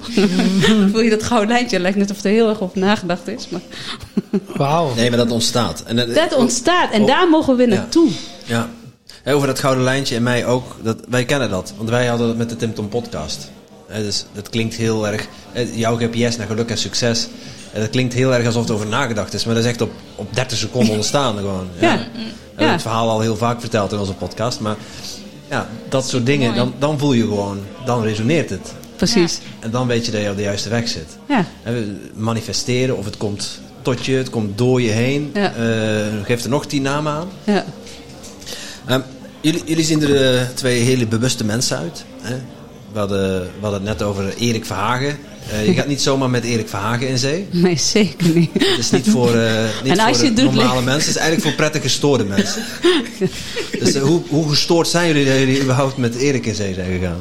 Nee, maar, maar, ja, maar, kijk, ik wil vragen is van... van ja, Erik is coach voor bewuste ondernemers. bewust is een, een versleuteld woord voor ja, mensen die spiritueel bezig zijn. Die zichzelf als spiritueel wezen zien. Maar hoe is spiritualiteit bij jullie op jullie pad gekomen? Wanneer is die, dat bewustzijn ontstaan? Ik vraag het eerst aan jou, uh, Nicolien. Nou, ik eh, denk gelijk aan het moment uh, toen ik met Erik in zee ging. Toen kwam hij nog bij me thuis. Dat was aan het begin van zijn manifesteren. En toen zei ik tegen hem: Je moet me niet te spiritueel worden, want daar ben ik niet van. dat was nog even een overtuiging en een oordeel van mij, vier jaar geleden. Tot ik ging ontdekken dat spiritualiteit eigenlijk niks anders is dan naar jouw ware essentie mogen ze gaan. En dat wat er is, ontdekken in jezelf. Prachtig, ja. En, en ik vond het zo gaaf dat ik steeds meer in mezelf ging ontdekken. Dat ik het woord spiritualiteit heel langzaam ging, ging noemen. En ja, ik, ik vind het. Ik denk ook als je hier iets van gevoeld hebt, dan wil je niet anders meer. Dat is echt hetzelfde als glim. Als je ontdekt hebt wat dit met je doet, dan wil je niet anders. En dan word je nog gretiger en dan wil je weer meer over jezelf weten. En ja, dan, dan kan je niet meer terug. Nee. Gretig, maar niet hebzuchtig, hè? Nee, nee, zeker mm. niet. Nee. Tevreden gretig. En hoe is dat bij jou ontstaan, Aukje? Ja, het is best misschien een beetje saai, maar dit, dit is wel heel erg uh, eigenlijk hetzelfde. Zou ik ook ehm, zeggen. Ja. ja, dat is makkelijk, hè? er mooi van ja. Dus ik had heel de podcast aan moeten uitleggen. En nu ja, ja, ja. Dat had ik ook precies zo. Ja, ja. ja Volgende vraag. Pas. Uh, ja, nou ben ik het helemaal kwijt natuurlijk. Spiritualiteit. Wanneer, wanneer, is het, wanneer is het op je pad gekomen? Um, ja, bij mij is het wel door een hele harde levensles ben ik eigenlijk wel in het bewuste pad zeg maar, terechtgekomen. Um, doordat ik eigenlijk in mijn zwangerschap ontzettend ziek was. Um, maar dat eigenlijk heel erg negeerde. Dus ik uh, ging maar door. Um, mijn gedachte, je moet sterk zijn, uh, was zo sterk. Dus ik mocht niet falen en ik moest maar doorgaan. En ik moest vooral alles blijven doen. ja, en dat was zo sterk dat ik Ehm, op een dinsdagavond ook nog uit eten ging. Want ik vond ook nog allemaal dat dat allemaal maar moest. Uh, ik moest ook nog een leuke vriendin zijn en ik moest van alles van mezelf. Um, echt niet, niet, niet goed werd. En uh, mijn vriendinnen zagen dat ook, maar ja, ik, ik vond ja, wat water in mijn gezicht en het ging wel weer. En toen ik thuis kwam, uh, ja, was mijn vriend er natuurlijk helemaal niet blij mee. Dus die wilde verloskundige bellen enzovoorts. Maar zelfs, ik, ik heb hem er vanaf weten te praten. Ik weet eigenlijk nog niet eens hoe. Maar volgens mij met, hey, ik heb morgen vroeg een afspraak, dus komt wel goed. Ik ga wel slapen en dan zal het wel weer goed zijn. Nou, en de volgende ochtend had ik inderdaad die afspraak en daar vraagt uh, verloskundige hoe gaat het? En uh, ja, en ik zeg goed. Goed, ja, top. Kan niet beter. Ja. Prima, goed. En uh, ja, ik, ik heb haar ook al vaak genoemd en al heel vaak bedankt. Ik, ik ben super dankbaar dat zij voelde en alles wat er al gespeeld had, uh, volgens mij gaat het toch niet zo helemaal goed. Laten we eens even verder uh, kijken. Uh, en ik dus echt ontzettend ziek bleek te zijn en het HELP-syndroom bleek te hebben. Welk syndroom? Het HELP-syndroom, dat is een uh, zwangerschapsvergiftiging. Vaak gaat het dan over een hoge bloeddruk. Ik had een andere variant, um, waarmee mijn bloedplaatjes in heel acuut tempo afnamen. Waardoor je op een gegeven moment je organen niet meer goed kunnen draaien en je dus jezelf vergiftigt en je kindje. Ja, dus ineens uh, in zo'n rollercoaster van, oh ja, eigenlijk wel, uh, je bent gewoon echt hartstikke ziek. En op dat moment ook nog erg onbewust uh, dat allemaal ondergaan. Een echtgenote, kindje geboren en ja, na een paar dagen ziekenhuis waardes weer goed. Ik dacht, oh prima, alles is weer goed. Ja, en ik herstelde niet. En na drie maanden dacht ik, ik zat nog aan de keukentafel, ik vergeet het nooit. En ik dacht, een meisje van de yoga die ook zwanger was, kan alweer een voetbalwedstrijd voetballen. En ik ben moe als ik de trap oploop. Hier klopt iets niet. En toen ging ik, ik, ik weet nog ter plekke dat ik terug ging denken aan wat er eigenlijk gebeurd was. En toen besefte ik, ik had gewoon iemand anders nodig om te zeggen, je bent echt doodziek. Want ik zei het zelf gewoon niet. Dus er zat zoveel gedachtekracht achter, wat veel steviger was dan alles wat ik in mijn lijf voelde. En ja, toen kwam die eigenlijk wel echt binnen. Ja, dat, het, uh, dat ik het zo ver liet komen dat het ook een heel ander uiteinde had kunnen hebben, dit verhaal. En ja, toen werd ik eigenlijk letterlijk een soort van wakker en dacht ik, ho, maar, maar dit gaan we niet meer doen. Ja, en toen ben ik uh, ja, bij de praktijkondersteuner en mindfulness, nou toen ben ik een beetje er allemaal ingerold. En bij alles wat ik daar leerde over mezelf, dacht ik, waarom leren we dit niet op school? Waarom wist ik niet? wat? Hoe kan dit? En dat ik toen weer ging voelen. En dat ik ging voelen ook ehm, wat ik leuk vond en zo. Ik, ik wist het allemaal letterlijk niet. Ik, ik, ik bewoog gewoon en ik, ik deed van alles. Maar uh, allemaal echt heel erg uh, verstopt. Letterlijk verstopt. Onzichtbaar zijn, dat was mijn uh, ding. En ehm, ja, en, en daar, daar is het echt bij mij begonnen. En heb ik mezelf ook echt afgesproken met mezelf van ja, ik, ik ga nooit meer mijn gevoel negeren. Ik ga daarop vertrouwen.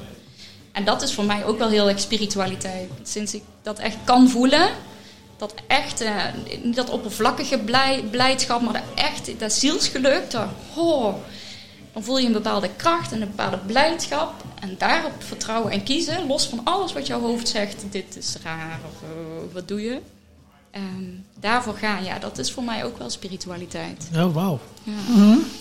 Prachtig. Ja, Nicolien. Ja, lekker, ja, daar geniet ik van. Ja, wauw. Nee, wel niet van de ernst, maar wel, van de puurheid. Ja, ja, mooi. Wauw. Van de ja. puurheid. In heftig ook. Ja. ja, heel heftig. Maar achteraf, ja... Um, um, ik weet nog dat ik dat ooit wel eens hoorde toen ik ja, nog minder bewust was. En dacht, ja, hoezo kun je nou uit zoiets heftigs iets moois halen? Ja, dat is onzin. Hè? Die zijn niet helemaal goed, die wappies.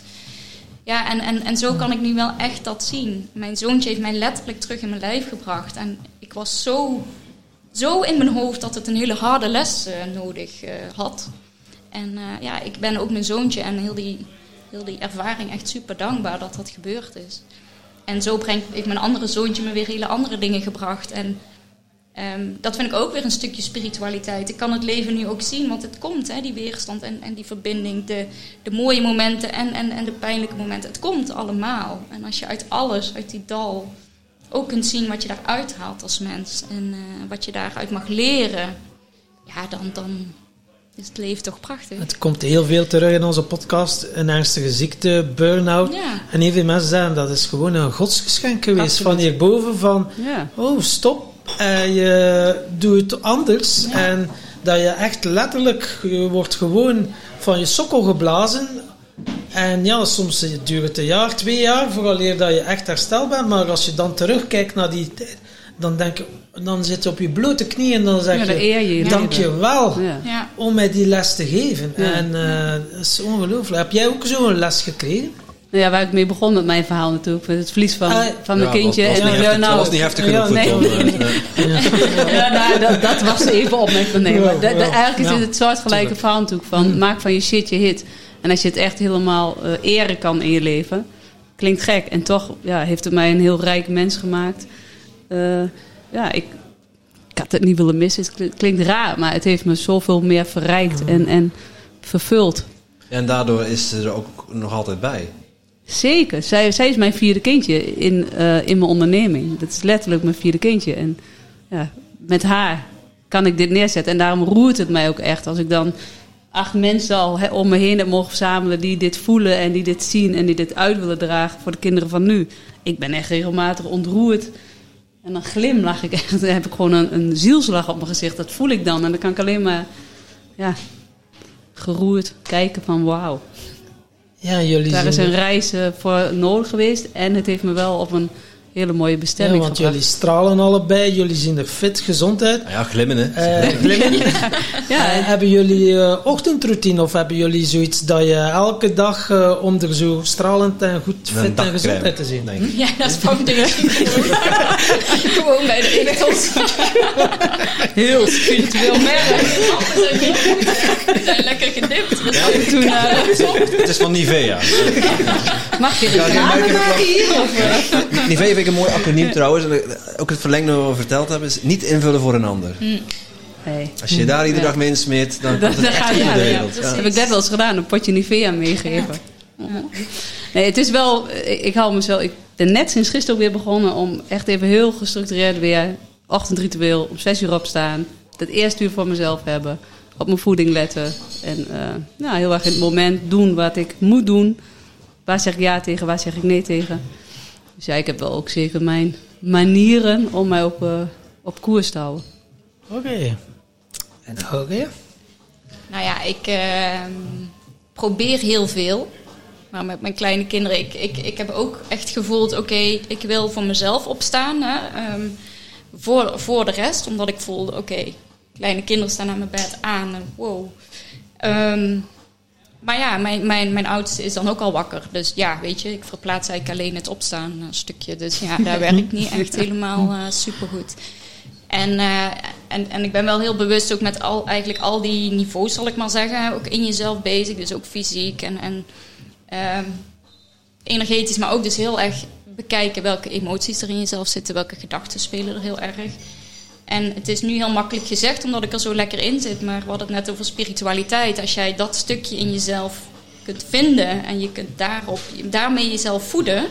Ik voel wel dat dat eigenlijk op al die lagen helemaal doorwerkt. En dat ik daardoor zoveel energie ook krijg als ik daarmee bezig ben. En eh, ja, dat, dat is echt letterlijk zo'n magische minuut dat je denkt, ja, dit, dit wil ik niet meer anders. Dit, is geen, dit kost niet meer energie om dan te gaan werken of, of bezig te zijn met je eigen ontwikkeling. Dat is alleen maar uh, ja, vervullend en verrijkend. En ja, ik merk dat dat mij, uh, dus ook zelfs met jonge kinderen en uh, slapeloze nachten, die ik heel veel heb. Dus ik ben toch wel heel blij met de lampen hoor, hier, want dat is ook echt niet zo. um, ja, dat, dat stukje doet wel op alle niveaus ineens ook heel goed. En dan voel ik ook, oh ja, ik wil ook weer lekker uh, gezond eten. Want dat, dat versterkt elkaar eigenlijk alleen maar. Ja. En, en ik denk ook, als je gaat doen waarvoor je hier bent, als je gaat doen wat je ziel blij maakt, dan gaat het stromen.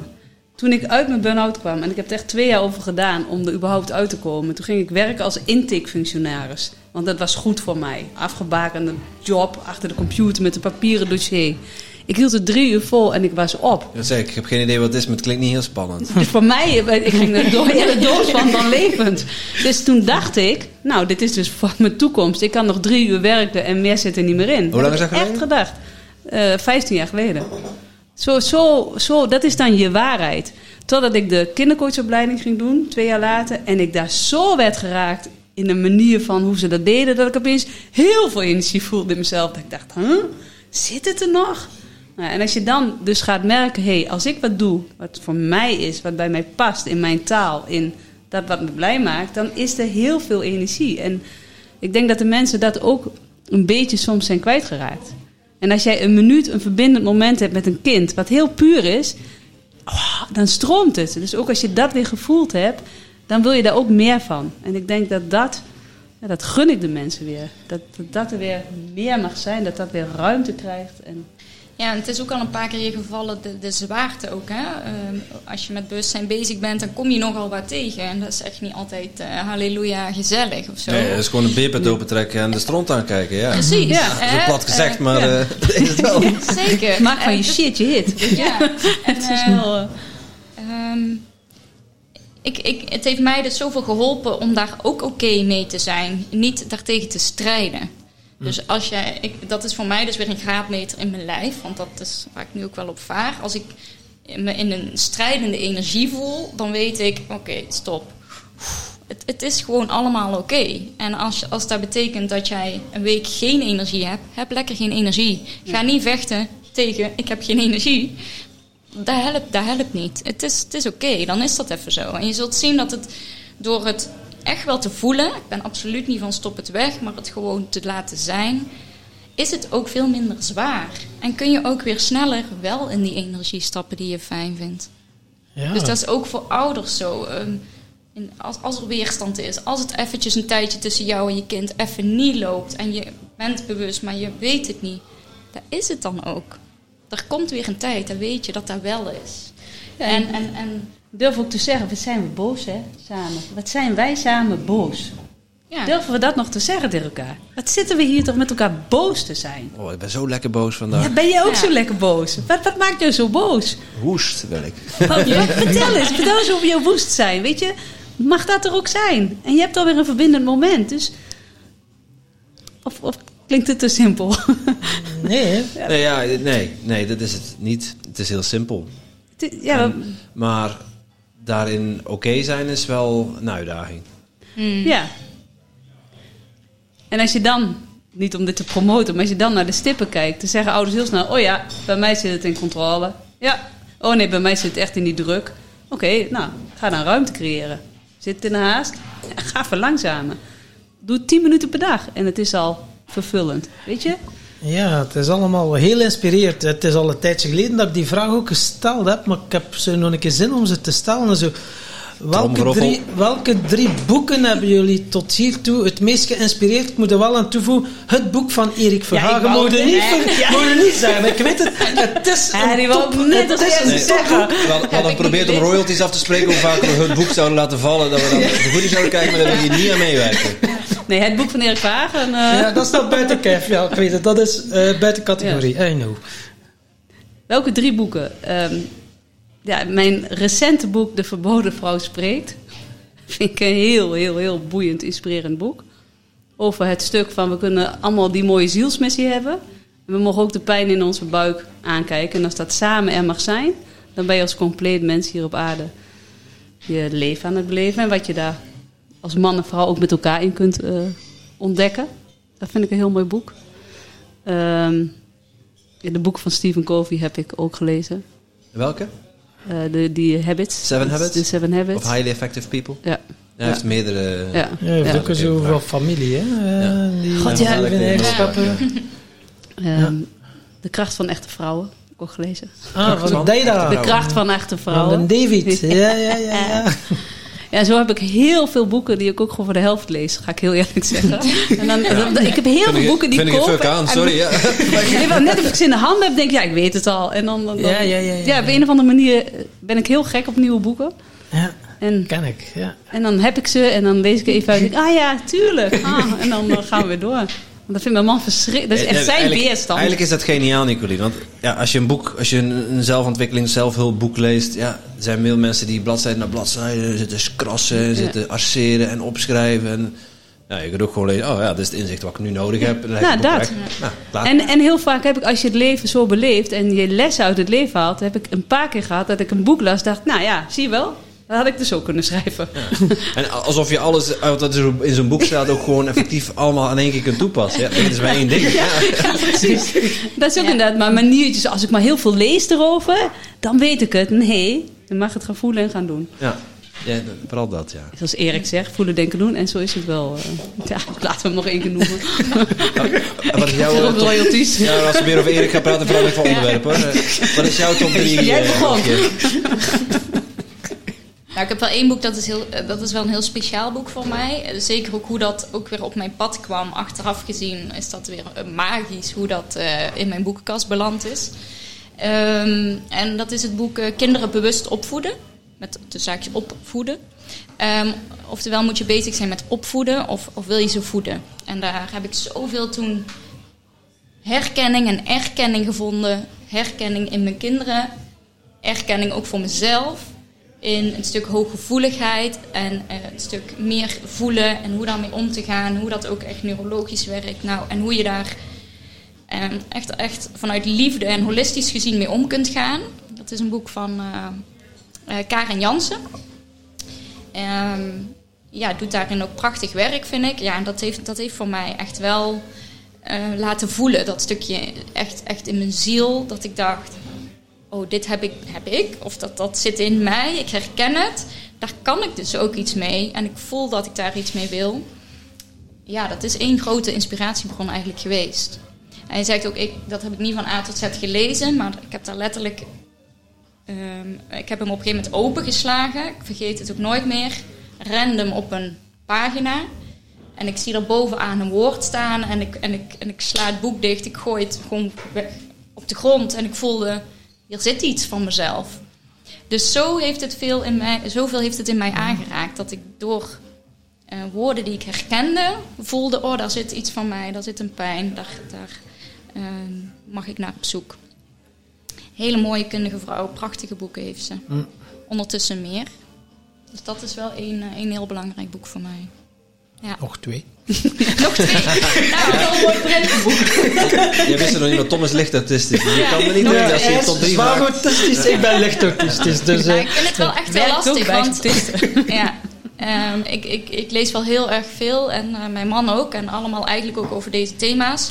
En uh, onze boekenkast staat er dus helemaal vol mee. En het is eigenlijk continu... Ja, met wat er speelt slaan we weer even wat open en, en wat terug. Um, ja, ja dit, dit is een heel belangrijk boek. Het boek van Michael Pilacic, Master Your Mindset, was mm. wel ook een stuk van de start. Dat ik ook zei tegen mijn man: hey, we gaan dit samen doen. Ik wil samen. Hij wilde ook? Uh, was nog niet zo enthousiast. dat is een ding, hè? Ja, hij was nog echt niet zo enthousiast. Dus ik heb hem daar gelukkig best vroeg in meegesleurd. Maar ook na, ja, na één, één opdracht was hij wel om, hoor. Gewoon weer het dromen aan kunnen zetten. Waar droom je van? Dromen. Ja, ja, ja. Wat willen we? En ja. Um, ja, daar ben ik ook super dankbaar voor. Dus omdat ik daarin... Uh, hebben wij de verbinding nog gevonden. En ook begrijpen we elkaar nu nog steeds. Wat oh, natuurlijk heel belangrijk is als je op reis gaat met jezelf. Zeker. Dus um, ja, dat boek heeft wel een speciale lading. Ja, Ik kan er heel veel noemen, maar ik weet het zo even niet. Nee, oh, die twee je, je, kunt helemaal niet zoveel noemen. Nee, eigenlijk ben ik helemaal niet. weet je, twee al heel moeilijk. ik zie allemaal kaften nu voor me en ik weet de titels eigenlijk niet. Dat is helemaal oké. Okay. Ja, Je appt die derde gewoon ja. Ik laat het weten. En bij jullie de rode draad door weerstand is oordelen, controle, haast en druk. De rode draad uit je leven maakt hoe, hoeveel je in de weerstand blijft hangen. Ah, en het gouden lijntje. Ja, ik zie een rode draad staan. Dat is mooi. jongen. Maar uh, de rode draad door onze podcast is uh, geluk en succes. Jouw GPS naar geluk en succes. En uh, wij zijn echt wel benieuwd. laten we bij jou beginnen, Nicolien. Wat, hoe zou jij succes definiëren? Succes definiëren als ik mijn, met mijn pure missie een heel groot bereik ga hebben voor de wereld van nu. Mooi. Mooi. Wat is het voor jou, Elke? Dat was een korter antwoord dan ik gehoopt had. Ik was nog even aan het denken. um, Oké, ik ga hem aanvullen. en dat in balans met mijn eigen privéleven. Want dat is mij ook heel veel waard. Hmm. Ja, heel veel extra denktijd kreeg je niet. Ik vond het wel een mooie toevoeging trouwens. Ja, ja. Um, voor mij is succes wel als ik heb ik succes gevraagd of geluk? Ja, succes. Ja, succes. Uh, ja. ja. ja, natuurlijk. Je wil geluk eigenlijk eens weten. Ja, maar dat is, ik wil Het is nu al succes. Zo op succes gericht, ongelooflijk. Zo goed zit ik erin. Nou, succes is voor mij dat ik met, met deze missie en, en de wijsheid en de ervaring die ik daarin heb, dat ik, uh, dat ik die mag delen en mag inspireren. En daarmee wel ook voor mezelf uh, rust en ruimte creëer om uh, mezelf ook verder dus als mens te ontwikkelen. Waardoor ik ook blijf groeien en steeds weer meer te geven heb eigenlijk. Hoi, wauw. Ja, dat is wel ja, daar heb je goed over nagedacht. Dat kwam er wel heel vlotjes uit, moet ik zeggen. Meer bedenktijd. Dat was niet echt, be was niet echt bedacht, maar dus dat kwam, vanuit, uh, dat kwam vanuit de kern. Hè. Moet niet zo denken. Maar ja, zal ik dan maar de vraag stellen. Wat is de definitie van geluk? Uh, laten we beginnen met uh, audio. Zo heeft uh, Nicolien wat bedenkt uit. Ja. ja, die is voor mij best wel helder. Want um, ja, ik kom eigenlijk een beetje terug, we hebben het eigenlijk al over gehad. Sinds ik echt kan voelen dat de dingen naast elkaar zijn. In mezelf, in de wereld, in alles. En dat het er allemaal is en er allemaal mag zijn. En sinds ik dat ook echt kan doorvoelen dat dat oké is ja, ben ik echt een heel gelukkig mens. Met alles wat er is en alles wat er gaat komen. En naast geluk geeft het me dus ook heel veel rust. Dat ik nu vanuit rust ja, kan gaan uh, zijn in het moment. En, en, en helemaal niet meer druk zo maken over de toekomst. Over, en ook niet meer zo over uh, wat er geweest is. Um, daar kan ik uit leren. En, en nu staan de dingen naast elkaar. Um, en voel ik dus daardoor ook heel erg dat ik een soort van keuze heb als ik die, die, die grote angsten weer tegenkom, want dat blijft natuurlijk steeds next level, uh, weet ik iedere keer dat er ook weer iets naast staat. En dat ik daar een keuze in heb of ik die stap kan maken uh, op dat moment, waardoor ik weer groei als mens en misschien weer um, mooiere dingen kan gaan doen. Um, ja, sinds ik dat zo kan zien en uh, dat maakt me echt eigenlijk super gelukkig. Ja. sinds ik het allemaal kan omarmen, komt toch weer even de, de cirkel Mooi. rond. Als ik het allemaal kan omarmen, dan ben ik een heel gelukkig mens. Mooi. Ja, madame de belever. ja, wat denk je dat ik ga zeggen? het is, ja, ik kan echt heel gelukkig zijn als ik in het moment inderdaad dat mag beleven in dat wat er is. Ik word hier ook gelukkig van. Als dat er mag zijn, wat er echt is, daar word ik heel gelukkig van. En dat ik dat vanuit mijn pure, zuivere zelf kan voelen en nou, daar zichtbaar in durf te zijn, daar word ik echt heel gelukkig van. Mooi. Prachtig. Rest ons nog uh, één ding. En dat is dat jullie een vraag mogen bedenken voor onze volgende gast. Uh, ik weet niet of jullie onderling willen overleggen of dat jullie elk een eigen vraag willen bedenken, willen stellen. Um, een, ja, poeh, wat. Daar hadden eigenlijk best wel over na kunnen denken over deze vraag. Ja, inderdaad. Ja, hè, dat we daar niet voorbereid hebben. ik had er niet ruimte voor. Um, nee joh. Um, Wat komt er nu binnen? Nou, ik, ja, bij mij komt wel iets binnen. Ik denk nou. gewoon als je het niks vindt, verzin je je eigen nog. Um, het gaat natuurlijk steeds over kinderen van nu. En ik maak zelf ook een podcast waarin ik de levenslessen van andere mensen heel graag ver, laat vertellen. Om te kijken, oké, wat zit daar dan in? Wat zit in jouw les nou, wat jij kinderen ook weer kunt geven? Want dat is volgens mij hoe het werkt. Geen diploma's, maar wat is jouw levenservaring en wat kun je daaruit kinderen geven? Dus misschien uh, is het wel een mooie vraag voor jullie volgende gast. Um, wat heb jij in je leven mogen leren dat jij graag door zou willen geven aan de kinderen van nu? Ja, daar mag een kers op, hè? Ja, daar, daar, daar, daar mag een kers op. Daar ga ik niet. Wat heb jij in je leven uh, mogen... Uh, mogen leren? Ja, ja, ja. Wat je door kan geven aan de kinderen van nu. In wijsheid. Ja. Oké. Succes voor de volgende gast. Het is al een pittige. Het is best een pittige. Heel mooi. Dank je. En gelijk podcast vol. en uh, ja, we, dat is een beetje voorkennis, dus we zijn er overheen gestapt. Maar volgens mij hebben we nog niet gevraagd hoe jouw podcast heet. Dus als mensen interesse hebben in, uh, in jouw podcast, waar kunnen ze die vinden? Uh, mijn podcast heet uh, Aukje Berkers voor kinderen van nu.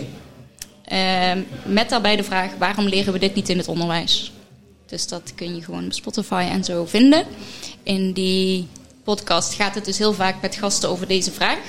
Wat, uh, wat zijn jouw lessen geweest en wat heb je eruit gehaald dat jij nu voor de kinderen van nu uh, wil brengen? En we zullen het ook in de show notes zetten, dus voor mensen die dit nu horen en denken van daar wil ik ook naar luisteren. Ja. Klik even ja. op de link in onze, in onze blog. Ja, en uh, er ontstaat wel eens onduidelijkheid over, oh ja, maar gaat het dan heel erg over het, het afkeuren of het veroordelen van het onderwijssysteem? Absoluut niet.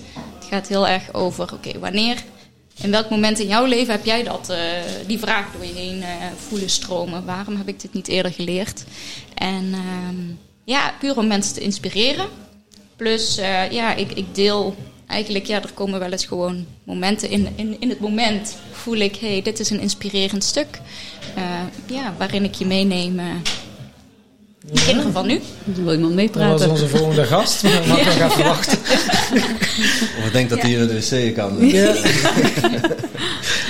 en uh, ja, Nicolien, hoe kunnen ze jou vinden als ze meer willen weten over glim? En mensen hebben zoiets van, wauw, ik wil ook in die community of ik wil ook een glimmer worden. Let, Bij de, er komt een speciale website naast mijn eigen website komt www.glimvoorkinderenvannu.nl. Oké. En die gaat over twee, nou, eind september, begin oktober de lucht in. En daar wordt het hele glimverhaal, wordt daar ook helemaal voor ouders, voor ondernemers en voor onderwijs, nou, helemaal uitgelicht.